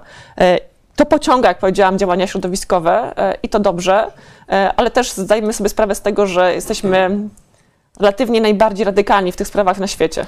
Jeżeli się gdzieśkolwiek rozmawia z kimkolwiek gdzieś, nie wiem, na przykład z Azji i mówimy o pomysłach europejskich, to oni patrzą i nie wierzą, o czym mówimy. Najważniejsze jest to, żeby wykarmić. Wykarmić dużo, wyprodukować relatywnie e, tanio e, i żeby móc zaspokoić popyt na żywność. A inne kwestie, no fajnie, te pomysły, o których Pan mówi, one są świetne. Tylko pytanie, czy na skalę masową możemy to zrobić. Mamy, mamy jednak sporo miliardów ludzi na tym świecie i kiedy Ostatnio moja doktorantka, która pisze pracę związaną z właśnie z kwestiami akwakultury, e, pokazała mi, jak, e, jak Chińczycy przeławiają wszystkie możliwe akwary, na których e, mogą wypłynąć. To jest po prostu piractwo. I, I to nie jest tak, że oni płyną i potem wracają. Na morzu już jest przetwórnia, która tylko dowozi się te. I to jest problem. Więc jakby skala i tego, że świat się zmienia i też rozwój się, mm, idziemy w kierunku no, wyższego rozwoju, także ekonomicznego i dochodów, to pokazuje też, jak się zmienia potrzeba, e, jeżeli chodzi o potrzeby konsumpcyjne. E, pewnie te narody, które są, czy, czy, czy, czy, kraje wyżej zaawansowane, dochodzą do pewnych e, już w ramach swojej diety chociażby zmian. Mniej mięsa może zaczniemy jeść, tak? bo widzimy to też się w Polsce powoli obserwuje. Powiem pani profesor, że te robaki teraz tak obśmiane strasznie publicznie, ale ja to się buntuję na to obśmianie. Dlaczego? Bo ja mieszkam koło Robakowa, takiej miejscowość, się nazywa Robakowo, pod Poznaniem, przy S11, gdzie się produkuje właśnie te robaki od wielu lat. One się produkują świetnie, to, to, to jest niesamowite, już o tym przykładzie mówiłam wielokrotnie, on jest, on jest dla mnie fascynujący, e, dlatego że obok koło, koło kurnika, to jest wszystko gdzieś tam w jednym kącie, jest wielu producentów e, surówek i warzyw, e, dosyć dużych producentów. I te wszystkie odpady Coś z tym trzeba zrobić. No, można kompostować oczywiście, ale te robaki bardzo chętnie to jedzą. Więc to jest produkcja, można powiedzieć, wręcz czysta, a te różne e, typy, czy odmiany, czy nie wiem, jak to się nazywa, tych robaków, e, mają niesamowite mm, właściwości odżywcze, jeżeli chodzi o zawartość białka. Przyswajalność, czystość produkcji, nie ma żadnego odpadu, nie ma żadnej emisji gazu cieplarnianego.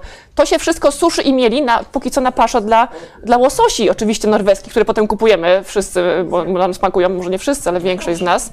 Ale powiem, że gdybym dzisiaj rano jechaliśmy sobie pociągiem, jadłam owsiankę, bo ja owsiankę rano jadam. I tak sobie pomyślałam, kiełbasy za bardzo nie lubię, ale taką łyżeczkę tych zmienionych robaków w ramach białka, no wsypałabym sobie, nawet bym nie poczuła. A białko by się przyswoiło. Tam moli jest... mm, tam mol nie przeżyje, bo tam są takie warunki, mieszkańcy się obawiali, że te rybaki się po wsi rozejdą, ale nie ma szans, bo one muszą mieć... A w tych płatkach, ja mam takie niby lepsze, no ale... to też białko, panie profesorze, też białko.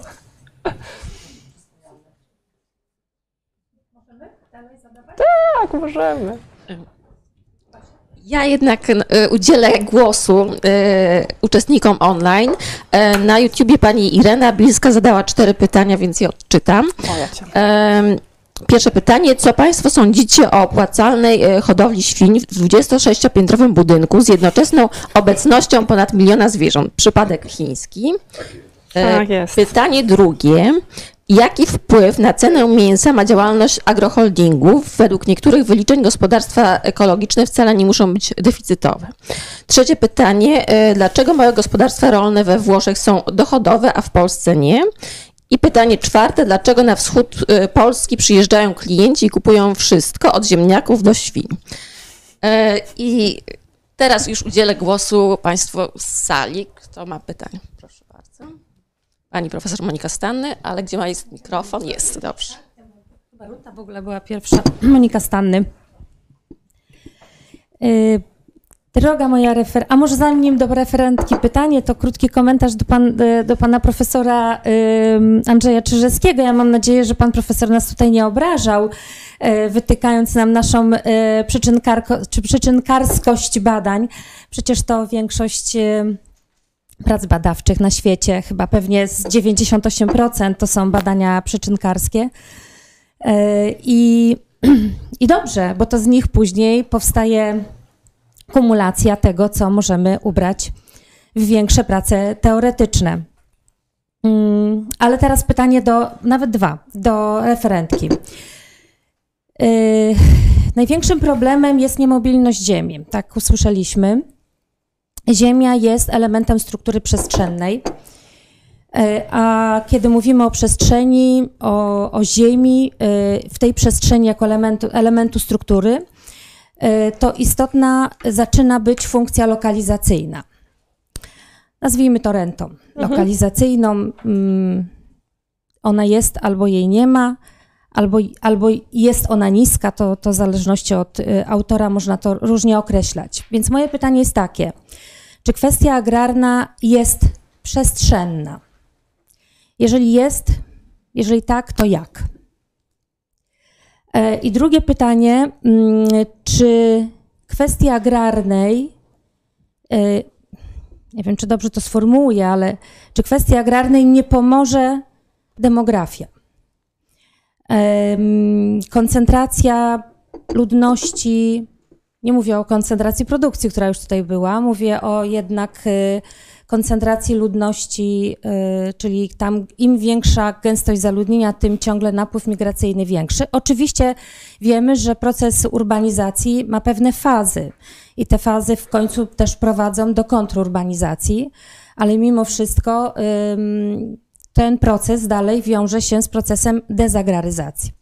Ale myślę tutaj głównie o de- dezagraryzacji źródeł utrzymania ludności, a więc pewnej formie ym, albo odchodzenia zupełnego od y, rolniczych źródeł utrzymania, albo y, takich formach kombinowanych źródeł utrzymania, czyli łączenia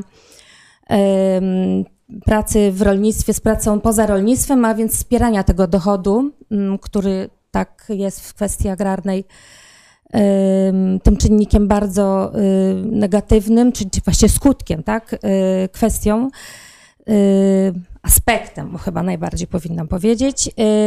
I w związku z tym, czy ten, ta dezagraryzacja nie będzie łagodzić właśnie tych skutków dochodowych. Dziękuję. Dziękuję. Czy ktoś jeszcze ma pytania? Proszę bardzo, pani profesor Maria Halamska.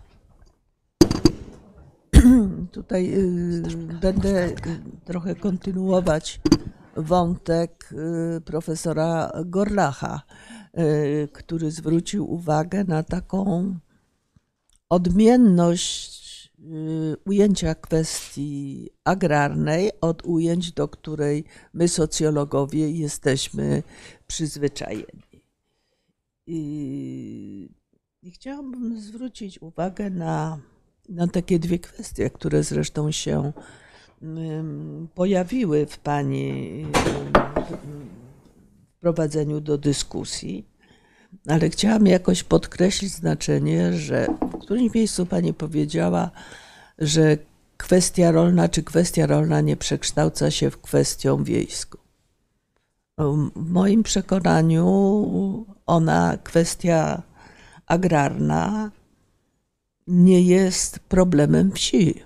Ona jest problemem społeczeństwa globalnego, niejako y, na różnych poziomach jego rozwoju i przemian.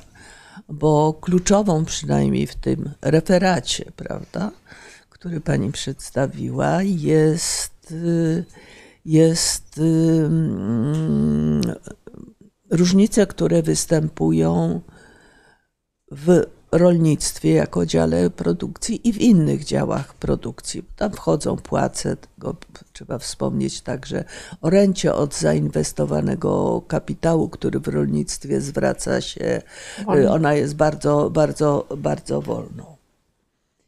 Y, Także jest to problem, jeden z problemów społeczeństwa globalnego. I druga rzecz, która mnie, y, jak pani mówiła, uderzyła i która być może mm, tu jest klucz do stworzenia tej teorii, panie profesorze, żeby się zastanowić nad zasadami reprodukcji kwestii agrarnej. Tak? Bo jak powiemy sobie, o czym pani mówiła, że kwestia agrarna ma różne oblicza w czasie? Ale w tym samym czasie kwestia agrarna czym innym jest na, yy, w Europie Środkowo-Wschodniej, gdzie ona się, jakby powiedzieć, yy, odrodziła po dekolektywizacji, a czym innym jest w Brazylii z ruchami chłopskimi i tak dalej. Czy padło tutaj sformułowanie, że kwestia, e, że to ekonomiczne ujęcie jest ujęciem społecznym, prawda, w naukach społecznych. Myślę jednak, że mm, tu trzeba głębiej wejść w te właśnie społeczne kwestie, bo dlaczego chcemy rozwiązywać kwestię agrarną? Po co? No po co? Prawda? Pojawia się jakiś problem parytetów dochodów, pojawia się jakiś, jakiś yy, problem może sprawiedliwości społecznej, może dlaczego, dlaczego nie zostawić tej kwestii, kwestii rolnej yy, od tak sobie. Dziękuję bardzo. I może w, tym, w tych przyczynach, tych, dlaczego ona się odnawia, jest utwo- zdobycie mechanizmu, k- który ona się reprodukuje. Dziękuję bardzo. Takiego ponadczasowego i ponadregionalnego. Dziękuję bardzo. E, Dziękuję bardzo. Zanim e, oddam głos prelegentce, e, kolejne pytanie z YouTube'a. Jacek Puchała zadał pytanie, jak to zmienić, aby ziemia nie była trzymana tylko dla ubezpieczenia w KRUS? KRUS. Oddaję głos pani profesor. Oj, sporo tych pytań powiem. Ale może tak po kolei, chociaż pewnie nie na wszystkie, e, nie we wszystkich pewnie jestem tutaj specjalistą, żeby na nie odpowiedzieć. Zwłaszcza te pierwsze cztery, m, pani profesor potem mi przypomni, ale pytanie było o tą pierwszą chlewnię chińską, która już obiegła świat i wszyscy zdjęcia tej chlewni widzieli. Myślę sobie tak, że tam było pytanie oczywiście chyba o kwestię efektywności ekonomicznej, tak? Skoro to Chińczycy zbudowali Opinie na temat. i tak to powstało, to pewnie to się bardzo opłaca. Z, z drugiej strony faktycznie trzeba im przyznać, że zadbali o kwestie z tego, co media podały środowiskowe, ponieważ tam jest obieg zamknięty, nic nie jest emitowane, to co jest emitowane jest zaraz używane w, w kwestiach energetycznych, więc wydaje się, że jest, że jest wszystko tutaj w porządku.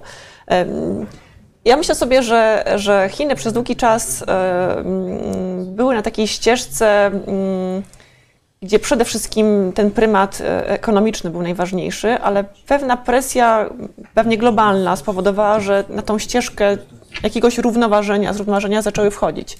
E, I ten przykład myślę, że jest dobrym przykładem tego, mm, może wiadomo, że ma swoje też wady, bo można o nich długo mówić, tego jak to zrobić. Więc powiem tak, jest to dla nas, Europejczyków, zadziwiające. Pytanie oczywiście o kwestię jakości tej produkcji, jeżeli chodzi o jakość tego mięsa, bo to się wiąże z tym pytaniem, które tutaj pani zadała, mm, pani Bilska, dobrze mówię? Tak, tak, tak. E, Dlaczego wszyscy jeżdżą na wschód i kupują wszystko, co tam popadnie, tak? Ziemniaki, jajka i inne. No właśnie, dlaczego jeżdżą na wschód? No, pytanie jest, czy tam jest to jedzenie, nie wiem, lepsze, w lepszych warunkach wyhodowane, na pewno droższe, bo to nie jest mm, produkcja masowa, tylko jakaś zindywidu- indywidualizowana. E, Zapytajcie się Państwo siebie, gdzie kupujecie żywność. Czy ją kupujecie, nie wiem, gdzieś anonimowo w jakichś marketach, czy jednak, e, czy jednak właśnie czy jednak robicie tak, że jakieś zabiegi czynicie, żeby ta żywność była lepszej jakości. E, e, Myślę, że wielu z nas, którzy mają możliwość dochodową, bo to jest główne, moim zdaniem to jest główne ograniczenie. Oczywiście ważna jest mentalność, ważna jest, ważna jest e, świadomość tego, co jemy. E, I nie chcę powiedzieć, że ten, kto jest bardzo e, gdzieś tam niezamożny, może jeść tylko to, co najgorsze, bo to nie jest prawdą. Kwestia jest też pewnie kreatywności jakiejś i e, i jakiegoś orga- jakiegoś zorga- zorganizowania, ale niemniej, jak Państwo widzicie, w pewnej sporej korelacji, teraz taką pracę będzie broniła moja zaległa magistrantka właśnie na temat edukacji, świadomości, a wzorców żywieniowych. No i badania pokazują wprost, no tutaj do Państwa socjologów się zwracam, że no, no niestety, czy nam się to podoba, czy nie, poziom edukacji, uświadomienia idzie w parze z zupełnie inną dietą, tak? To też oczywiście najczęściej z dochodami się wiąże, bo ludzie, którzy są wy- wyedukowani, mają wyższe dochody.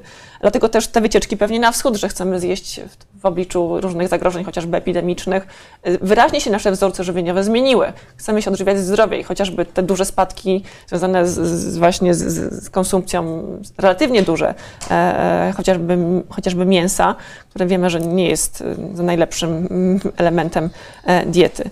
Potem było pytanie o dlaczego małe gospodarstwa rolne chyba we Włoszech są, e, są efektywne. E, Ci z Państwa, którzy byli we Włoszech, pewnie wielu z Was było i takim gospodarstwom małym się przyglądało. One różnie, to tak nie to, że wszystkie są efektywne. Oni też narzekają całkiem sporo, e, chociażby na to, że się pogarszają te różne warunki i widzą, że muszą się zrzeszać, że to nie jest tak, że jestem oto producentem, nie wiem, małym gaju oliwnym moim, produkuję oliwę i tak to jest świetnie zbywane. E, Te procesy koncentracji, o którym pan profesor wspomniał na początku, też ich w pewnym sensie do, do, do, do, dopadają. Oczywiście to nie jest potem tak, że, że ta ziemia się koncentruje, oni raczej idą w kierunku takich instrumentów, które mają pewne rzeczy łagodzić, czyli chociażby integracji poziomych. E, I to daje im pewną siłę przetargową, bo jak powiedziałam, no ten monopson jest wykańczający dla producentów rolnych, kiedy po jednej stronie mamy kilku odbiorców, którzy narzuc- narzucają warunki chociażby zbytu, a po drugiej masę, masę producentów. Jest prościej negocjować tak ekonomicznie czysto, e, kiedy mamy mm, paru dużych i paru dużych. Po prostu jest pewna, pewna, można powiedzieć, równowaga w tej konkurencyjności. Więc myślę, że to też świetnie widać nie tylko zresztą we Włoszech, ale też w ogóle w krajach Europy Zachodniej, że te instrumenty łagodzące, e, e, można powiedzieć kwestię właśnie także agrarną w takim ujęciu tego, tej uciekającej nadwyżki właśnie w postaci e, integracji poziomej i pionowej, no mają swoje efekty. U nas to dosyć dobrze działa, Państwo wiecie, chociażby w sektorze mleczarskim, całkiem nie najgorzej. Inne sektory działało dobrze, jak było, było wsparcie, powiedzmy sobie otwarcie, zwłaszcza producentów owoców i warzyw. Oni nawet się pozrzeszali, ale jak wsparcie już się e, skończyło, to się skończyły grupy producentów w wielu, w wielu wymiarach i to jest trochę przykre, że, że tak to zostało, że to się nietrwale, że tak powiem, e, że tak powiem zrodziło. E, To pytanie jeszcze tam było jakieś jedno, ale mi chyba uciekło i E, tak, Dlaczego się oddaje? dobra. Mm, No i teraz y, mm, idąc w kierunku, e, było jakieś jeszcze pytanie, tak? E, Tak, było pytanie o to, jaki wpływ na cenę mięsa ma działalność O agroholdingu matko, no to już i jest kwestia ekologicznej produkcji specjalistów pewnie. Nie muszę na wszystkie, ale no, na holnikach się i w produkcji wie, ży- żywca wieprzowego nie do końca, to nie jest moja działka, powiedziałabym. Lepszy jest Sebastian Stępień, nasz główny tutaj, pozdrawiam go gorąco zresztą, e, nasz główny świniarz w katedrze. E, ale mm, powiem tak, e, mm, No wiecie Państwo, no każdy z nas, jak znowu do tego samego wracamy, ma wybór, tak? Może kupić tu, albo może kupić tu. I pytanie, ile ma pieniędzy, żeby za to zapłacić. No tak powiem, każdy prowadzi jakieś gospodarstwo swoje domowe, ma, ma może dzieci, a może ich nie ma, albo ma jakąś inną rodzinę i wybiera po prostu to, co chce kupić. Nie będę mówiła o swoim, mogłabym mówić o tym godzinami, co kupuję, gdzie, w jaki sposób. Powiem tylko tyle, że, że mam e, na przykład e, kury swoje. E, To jest oczywiście totalny wymysł jakiejś fantazji. e, ko- Najpierw masz czwórkę dzieci. no mam czwórkę też dzieci, które chcą jeść jajka oczywiście, tak? A te jajka, jak widzę w mojej Biedronce, no nie chcę tutaj mówić po, po imieniu, ale nie są najlepszej jakości, e, ale finał jest tego taki, że, że w, covidowym porywie nie wiadomo czego mam jakieś kury przydomowe, mogę ich mieć tylko pięć, bo takie są warunki zabudowy, ale Państwo powiedzmy sobie jasno, no przecież to jest tyle łażenia koło tego, e, kombinowania, one, one są w ogóle jakieś koszty są też ogromne, bo one nie mogą jeść przecież takiej, paszy z GMO, czy tam jakimiś cudami, więc wiadomo, że no nie chcę o tym mówić, ale do tego zmierzam, że to jajko jest faktycznie świetne, tak, tylko że Państwo rozumiecie, ja nie jestem w stanie hodować jeszcze świni, kartofli e, i wszystkiego po kolei, bo to byłby niemożliwością. Czemu nie? Słowek.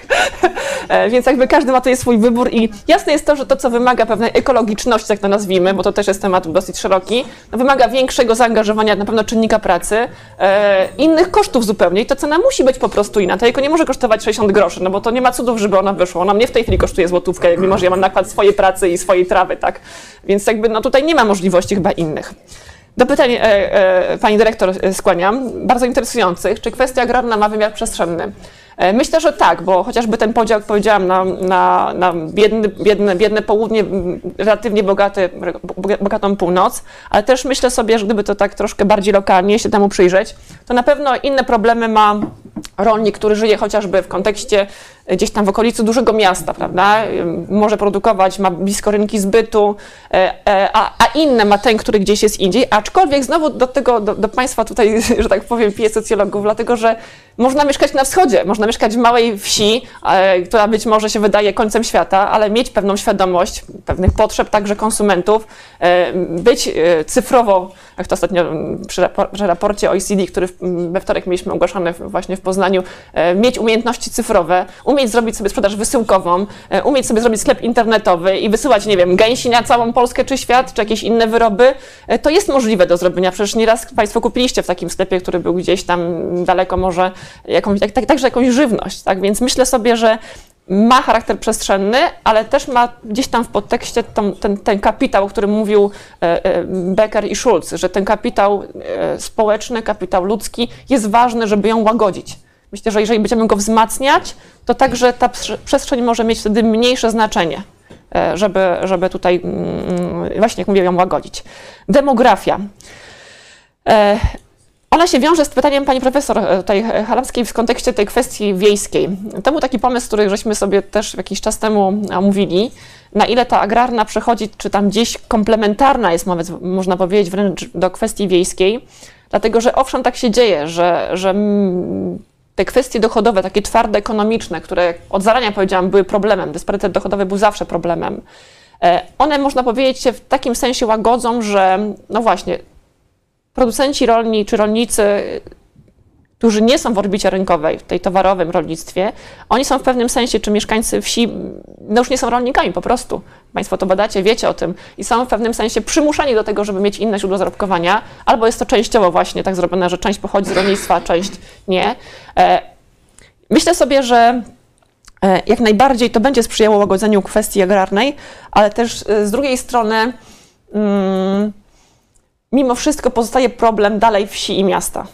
To, to są wasze badania, my się z nich uczymy i wiemy, że wieś wsi nierówna e, i wiemy, że są takie wsie, które są czasem lepiej funkcjonują niż miasta e, w różnych aspektach. E, Ja w takiej wsi mieszkam, gdzie jest edukacja świetna, prywatne, wszystko co tylko możliwe. Są pieniądze, to, to jest wszystko, tak? I, i, różna, I różne sektory się tam świetnie rozwijają i usług, które są w mieście i nie ma problemu, mimo że- to jest obszar wiejski, ale rolników jest dwóch na krzyż, tak? Którzy tam właściwie, co oni tam robią, no y, też się dostosowali świetnie. To też jest y, taki dobry objaw, że kiedy y, następują migracje, czy potem wracają być może em, gdzieś tam ludzie na te obszary wiejskie, czy to w ramach sypialni miasta, czy może jakichś drugich domów, czy innych zjawisk, to też to motywuje tą ludność, która tam jest na miejscu do tego, żeby być może pewne adaptacje mm, podjąć, po to, żeby, bo widzą po prostu potrzebę. Taka pani Mówisz, że rolników jest tylko dwóch, to źle? E, to źle, i, a czy powiem tak, źle i dobrze, to znaczy tak, e, e, dobrze, ponieważ okazało się, że ten obszar wiejski zmienił w ogóle swoją funkcję. On po prostu jest sypialnią miasta. E, A czemu dobrze? Okazało się, że wielu mieszkańców, mieszczuchów tak naprawdę, którzy się przenieśli do tej wsi, okazało się, że chcą mieć jajka, których nie, a nie chcą mieć kur, e, chcą mieć jakieś owoce, warzywa i tam notorycznie stoi jakiś baner przy tych rolnikach. Ogórki dzisiaj, fasolka dzisiaj, tam coś jeszcze innego. I okazuje się, że dzięki temu, że tak się zadziało, to i ich kwestia, można powiedzieć, dochodowa się zdecydowanie poprawiła, bo mają na miejscu zbyt, mają klienta, to nie jest anonimowe w, jakiś, w jakimś sensie i żyje im się całkiem dobrze. I być może kiedy mieli pomysł, że jednak może rzucą to rolnictwo i pójdą, nie wiem, do sklepu pracować, tak teraz okazuje się, że nie, że to jest bardzo fajna sprawa. Co jeszcze? Oni potem widzą, że to też ten kapitał im gdzieś tam się podnosi w tym otoczeniu, bo klient przychodzi i mówi, a pani Basiu, to pani może jakieś ciasto by dobre upiekła z tych jajek? Oczywiście, że upieka i już nasza, nasza Basia piecze ciasta, tak, na które wcześniej by nie wpadła, gdyby nie było tych klientów, którym się nawet ciasta nie chce upiec z tych jej fajnych jajek. Więc jakby Zobacz, zobacz jak tutaj właśnie ta kwestia, ten, aspekt przestrzenny. Tak. Ale mówimy sobie, jesteśmy pod dużym miastem, prawda? przestrzennym Do, do kwestii agrarnej Tak. jest istotny. Jest istotny, bo jak powiedziałam, no, sami wiecie, sami to badacie, że to się przenika później także z tymi cechami społecznymi, chociażby kwestią właśnie, jak mówię, poziomu wyedukowania społeczeństwa, e, którym, w którym myślę, że jest ogromnie ważnym czynnikiem e, także w kwestii agrarnej, a propos tych wątków e, społecznych. Eee, Pani profesor Halemska zapytała jeszcze o zasady reprodukcji kwestii agrarnej, czy dlaczego ona się odnawia. Eee, zaraz coś tu sobie napisałam, ale hmm. Wiadomo, że to jest bardzo trudne pytanie faktycznie, bo wiadomo, że ona czymś innym faktycznie jest w Europie i chociażby w Brazylii, o której Pani wspomniała. E, Ale z punktu widzenia mm, e, takiego jakby ekonomicznego, myślę, że mm, takiego czysto ekonomicznego, bo jak powiedziałam, dosyć trudno ten czysty wątek ekonomiczny wprost wydzielić, bo te wątki społeczne są nieoderwalne, można powiedzieć. Ale myślę sobie, że kiedy na to patrzymy, to mówimy sobie, mm, to jest kula u nogi po prostu. Rolnictwo jest kulą u nogi dla gospodarki z takiego punktu wid- widzenia ekonomicznego, bo zawsze gdzieś tam ciągnie w dół, bo się wolniej rozwija, bo rodzi kłopoty właśnie ekonomiczne, ale i społeczne, ale jeszcze jakieś tam inne. I z tego punktu widzenia faktycznie mm, to może odradzać, że nie nadąża. Nie nadąża ekonomicznie, ale jak powiedziałam, skutki tego nienadążania są także inne. E, I stąd też myślę sobie, że, e, że mm, Czy to są skutki, czy przyczyny? Ja myślę, że, że to jest taki ciąg zdarzeń. Taki ciąg zdarzeń, taka po prostu robi się kula śnieżna tak naprawdę. Coś, co jest przyczyną, robi się potem skutkiem i dalej pociąga kolejne, kolejne gdzieś tam aspekty. E, e, ale powiedziałam, to jest z takiego punktu widzenia czysto ekonomicznego, bo jak spojrzymy z punktu widzenia społecznego, to zobaczymy inne aspekty, tak? I, i, I tak bym do tego podeszła. Mimo, że jak powiedziałam, to jest wątek, który sobie pewnie jeszcze będę myśleć o nim w pociągu, wracając. Trudny. E, A coś jeszcze było z tym krusem, powiem cze- szczerze mówiąc, e, ale jak, no, o krusie czasem coś napiszemy w ramach wydatków budżetowych. E, Pytanie chyba brzmiało, dlaczego, czy warto, trzymać, czy, jak, jak to zrobić, Żeby ziemia z krusu poszła do, pod uprawę. że, aha, żeby ziemia z krusu poszła pod uprawę. Nie, coś Pytanie było takie, jak to zmienić, aby ziemia nie była trzymana tylko dla ubezpieczenia w KRUS? że ja mam swoją ziemię i, i, i, wiadomo, że mogą być pewne elementy, które mogą powodować, nie, zwiwać krus się nie da. No, pewnie tak, ale e, może po części także prawo, dlatego że może być tak, że powinniśmy być może dalej, gdzieś ta ziemia powinna być uprawiana, może w jakieś, na jakieś inne funkcje przeznaczona, może jakieś być stymulanty, żeby spowodować, żeby, żeby ta ziemia właśnie, no nie wiem, nie była tylko takim narzędziem do tego, żeby to świadczenie dosyć kiepskie mimo wszystko, ale jednak mieć. Tak na gorąco. Anna Kłoczko-Gajewska. E, Ja mam taką w raczej uwagę, może do dyskusji, e, bo kilka razy Pani zwróciła uwagę na e, bogaty północ, biedne południe, kraje zwinięte, rozwijające się. To też była kwestia, czy Polska, czy Brazylia mają różne ścieżki i z pewnością inna kwestia jest w krajach, które właśnie podlegało jakieś tam uprzemysłowieniu, inne w krajach, które są już bardziej usługowe, inne przy transformacji ustrojowej, bo to wiadomo, że są różne etapy. Natomiast czytałam ostatnio bardzo ciekawą książkę popularno-naukową, z której wynikało, że podział na kraje bogate i biedne był ze na latach 70. XX wieku. W tej chwili mamy zasadniczo krzywą Gaussa, czyli najwięcej mamy w środku. I y, tych krajów, więc y, podział, i nawet ostatnio znalazłam, szukałam danych do wykładu dla studentów i znalazłam dane, wedle których kraje bogate, y, do nich się zaliczała Słowacja, a do biednych Polska, mimo że różnica jest, akurat była marginalna, prawda, bo akurat tu przebiegała jakaś tam linia podziału. Więc gdybyśmy chcieli być tacy ściślejsi i bardziej, powiedzmy, trzymać się danych aktualnych, a nie z czasów y, zamierzchłych, byłoby lepiej dzielić na, na przykład na cztery grupy y, dochodowe, te najbiedniejsze, największe, więcej krajów w krajach środkowych i tych najbogatszych znowu jest, jest najmniej. Bo taki podział um, odruchowy, powiedzmy, na dwie grupy, bogatą i biedną, powoduje, że my się zamykamy w, takich, w takim sposobie myślenia, że to jest kolosalna, kolosalna przepaść między nimi, a ta przepaść jest taka między Polską a Słowacją mniej więcej. Dziękuję Wszystko bardzo. się o tyle, że Państwo widzicie, mamy różne rankingi tak naprawdę zamożności, począwszy od tych, które mówią po prostu tylko o PKB na głowę e, i widzimy, jak tam jest ogromna różnica pomiędzy tymi najbogatszymi, przecież PKB na głowę przeciętne według parytetu siły nabywczej, to w tych najbogatszych stanowi kilkanaście tysięcy dolarów, e, sto kilkanaście tysięcy, sto kilkadziesiąt tysięcy dolarów rocznie, a mamy takie Burundi, gdzie jest to po prostu raptem dolar troszkę, może nie nawet e, na Ale dzień. to, to są ogony krzywej Gaussa. Oczywiście, wiadomo, że jest, jest, jest jakiś środek, ale mamy też HDI, które pokazuje jeszcze inne aspekty i widzimy tam też ten ranking. I no, o takiej Polsce trudno powiedzieć, my się oczywiście mieścimy w jakichś 20% najbogatszych krajów na świecie, a to nie jest jakieś znakomite miejsce w tym rankingu, tak? 30, około 40 miejsca na 200 krajów, no nie jest źle, pewnie lepiej być 40 niż 140, ale mimo wszystko wiadomo, że ten podział jest po prostu nieostry. Możemy według różnych limitacji tego dokonać. Hmm? Dziękuję. E, Głos chciał zabrać profesor Gradziuk. Ja nie będę pytał, tylko y, chciałbym się odnieść do pierwszego slajdu, w którym wymienione były, było wymienionych kilka nazwisk polskich ekonomistów rolnych i zabrakowało mi tam profesora Franciszka Tomczaka. Mhm. I przypomnieć takie, moim zdaniem, wspaniałe książki, jak Transformacja gospodarki rolno-żywnościowej Stanów Zjednoczonych Ameryki Północnej, gdzie profesor y, wskazywał, że praktycznie wszystkie kraje wcześniej czy później przejdą taką samą drogę, czy chociażby gospodarka rodzinna w rolnictwie, uwarunkowania i mechanizmy rozwoju, czy chociażby Japonia, wieś, rolnictwo, agrobiznes, a więc to są bardzo różne, bardzo różne rolnictwa i myślę, że tutaj przy okazji kwestii agrarnej, no można prześledzić, jak ta kwestia w tych różnych krajach przebiegała. Dziękuję. Dziękuję bardzo. Czy jeszcze ktoś z Państwa obecnych na sali chce zabrać? Proszę bardzo, można podać mikrofon. Proszę chwileczkę poczekać na mikrofon. Nie, bo musi iść eter. Wśród klasyków kwestii agrarnej wymieniła Czajanowa, którego my tutaj kiedyś z Halamską studiowaliśmy, można powiedzieć. Ja chciałbym zwrócić uwagę na to, że Czajanow Y, y, argumentuje, że nie można zrealizować postulatu profesora Czyżewskiego. To znaczy, nie można stworzyć spójnej teorii ekonomii agrarnej z tego powodu, że ważny element tego modelu, czyli praca rolnika, w tym wypadku rolnika w gospodarstwie chłopskiej, jest niewymierna.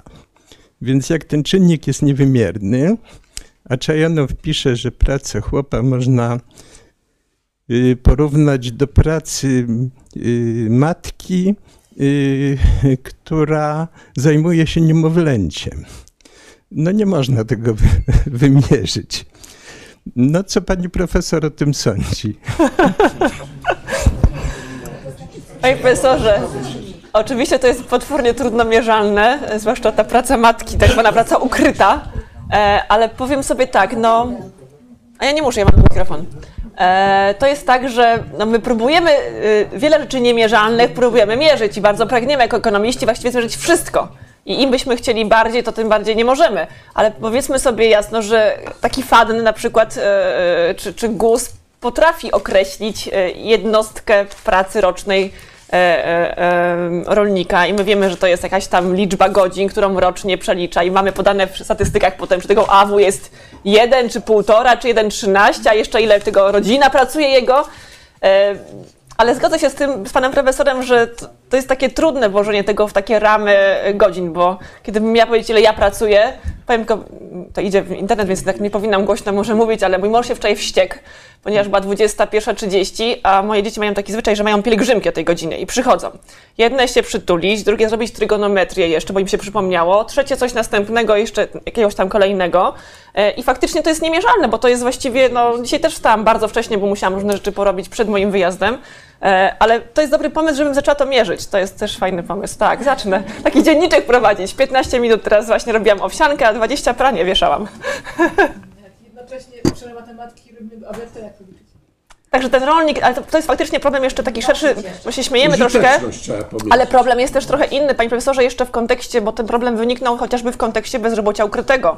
To jest przecież miara, którą posługujemy się w ekonomii i my wiemy o tym, że to bezrobocie ukryte, które się e, e, zadziało w- po pierwszej dekadzie transformacji, było bardzo trudno mierzalne, ale ono wystąpiło. Ci chłoporobotnicy, można powiedzieć, wrócili z tych fabryk, których wcześniej gdzieś tam pracowali, które były likwidowane e, i byli na wsi i e, profesor Woś, trzeba go wspomnieć także, tu już wspominamy e, różne, różne wielkie nazwiska, szacował to bezrobocie. Mówił o tym, że na przełomie właśnie, na przełomie wieków, po tej pierwszej dekadzie transformacji, to bezrobocie ukryte na wsi było rzędu tego, które było notowane, czyli to było ponad 3 miliony, oni byli, każdy coś tam poszedł, zrobił, a że ich było pięciu zamiast jednego, no to, no to, no to nie było mierzalne, ale efektywność ich pracy była tragicznie niska.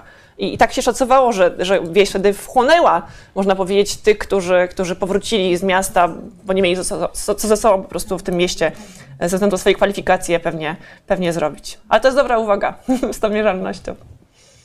Dziękuję bardzo. Czy są jeszcze jakieś pytania, uwagi, komentarze? Pan profesor Czyżewski. Ja tylko mm, adwocem do tych uwag, które trochę ym, mojej wypowiedzi dotyczyły, e, ale nie tylko.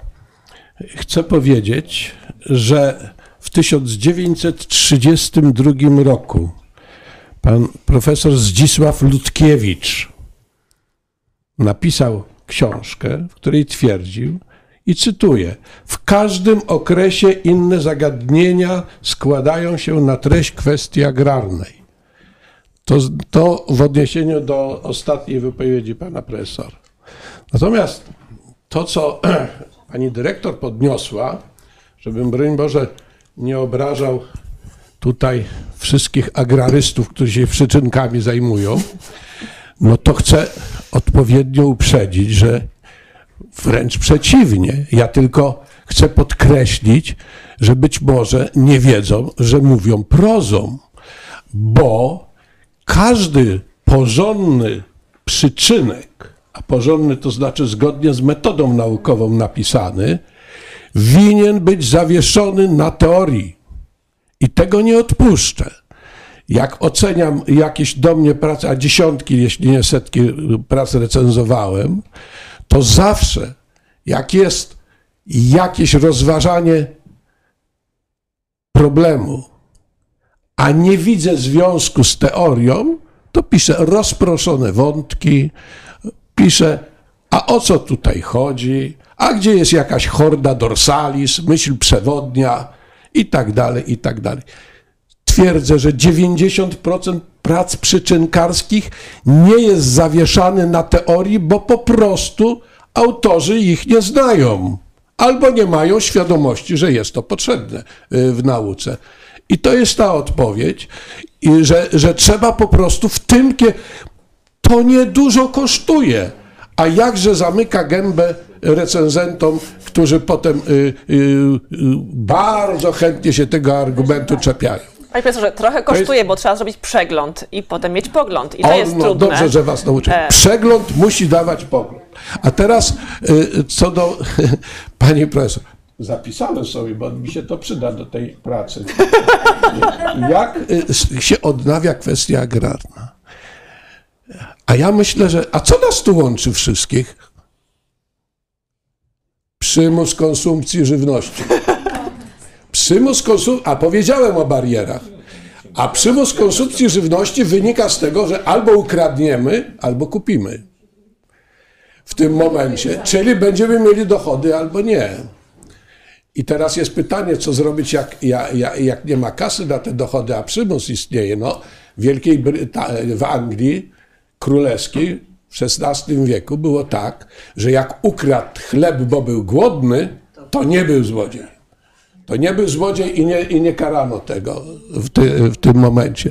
Także mm, no chyba ten, tylko że jak proszę zważyć teraz tego Ludkiewicza, który przed wojną powiedział, bardzo ciekawa książka, że to są w różne okresy przynoszą różne po prostu objawy y, tej kwestii agrarnej. Ale no dobrze by było, żeby ktoś coś jeszcze wymyślił innego. Ja przez te swoje 40 lat badań, a, a więcej y, pracuję, ponad 50 w, w, tym, tym, naprawdę poza kwestią agrarną nie znajduję szerszej płaszczyzny dla związków z teorii ekonomii rolnej. No szkoda, że nie ma tu Jurka e, Wilkina, bo byśmy sobie tutaj pogadali pewnie, e, a zainspirował mnie do kwestii agrarnej właśnie jego ta pierwsza praca. Tak, 70, tak, z tego, to, to sobie pomyślałem, ale facet trafił. No ale stało się. Także to chciałbym uzupełnić. I bądź y, Monika spokojna. Także y, faktografia tak, przyczynkarstwo tak, ale z rozmysłem, z celem jakimś. To, czy to tak trudno napisać, na jakim haczyku chcę zawiesić te moje badania? Dziękuję. A Ludkiewicz to zacytował z Laura. O, Dobrze, dobrze, to szybko rób profesurę. Proszę bardzo. Ja tylko chciałam powiedzieć, że rozmawiając o tym wszystkim, bardzo mi brakuje tematu klimatu. Wydaje mi się, że on powinien być na pierwszym miejscu w tej chwili. Znaczy, wraz z ewolucją kwestii agrarnej, kwestia klimatyczna wyewoluowała na pierwsze miejsce. I uważam, że mm, w ogóle za mało o tym mówimy w, tutaj w kontekście rolnictwa. Yy, I wsi i rolnictwa. I, yy, a szczególnie ekonomiści rolni często chyba jakoś tego, wydaje mi się, nie chcę nikogo tutaj obrażać, ale że ten kwestia nie ma niczego ważniejszego w tej chwili niż kwestia klimatyczna, no. I mm, tak wydaje mi się, bo inaczej i tak się wszyscy spalimy, ale może później niż wcześniej. ja się z Panią absolutnie zgadzam. Robimy teraz taki grant, tam patrzę na Violetę i na Konrada. Właśnie ruszamy z nim i tam właśnie kwestie emisji, e, różne klimatyczne sprawy. Będziemy próbowali tutaj zmienić świat w tej sprawie. Ale pomoże w tym problem energetyczny. O, właśnie. Się bezpieczeństwo energetyczne, wpłynie na klimat. Bardzo dziękuję wszystkim Państwu za pytania i głosy w dyskusji. E, Czy Pani prelegentka chciałaby jakoś podsumować? e, Ja mam podsumować? Myślę, że pani moderatorka podsumuje. Ja Nie. chciałam Państwu przede wszystkim bardzo serdecznie podziękować. E, Cieszę się za te pytania, niektóre bardzo trudne i myślę, że jeszcze do nich wrócę, pomyślę sobie o nich w drodze powrotnej, a nie tylko. O tyle inspirujące, że dorzucające kolejne kamyczki do tej całej układanki, do tego ogródka można powiedzieć, e, a także inspirujące do dalszych badań, bo jak powiedziałam, one się dzieją, toczą się, te granty dalej się, się piszą, e, na szczęście się zdobywają, więc to też jest ważne, żeby, że problem jest dostrzegany, ten, o którym Pani wspomniała właśnie, to jest najświeższy grant, który właśnie ruszył teraz niedawno. E, dlatego też Ale nie jest NCBM. z NCN, którego szefem akurat jest Bazylii Czyżewski i w tym zespole będziemy pracować. E, Także e, cieszę się, że ta dyskusja też w takim kierunku poszła i pobudziła Państwa i, i za te pytania wszystkie dziękuję i za zaproszenie, tak jak powiedziałam też serdecznie dziękuję.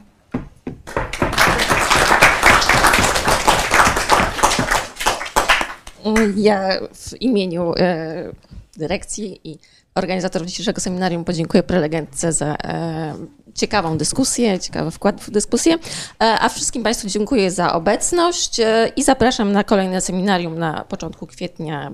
Będziemy rozsyłać zaproszenia. Dziękuję. Dziękuję bardzo.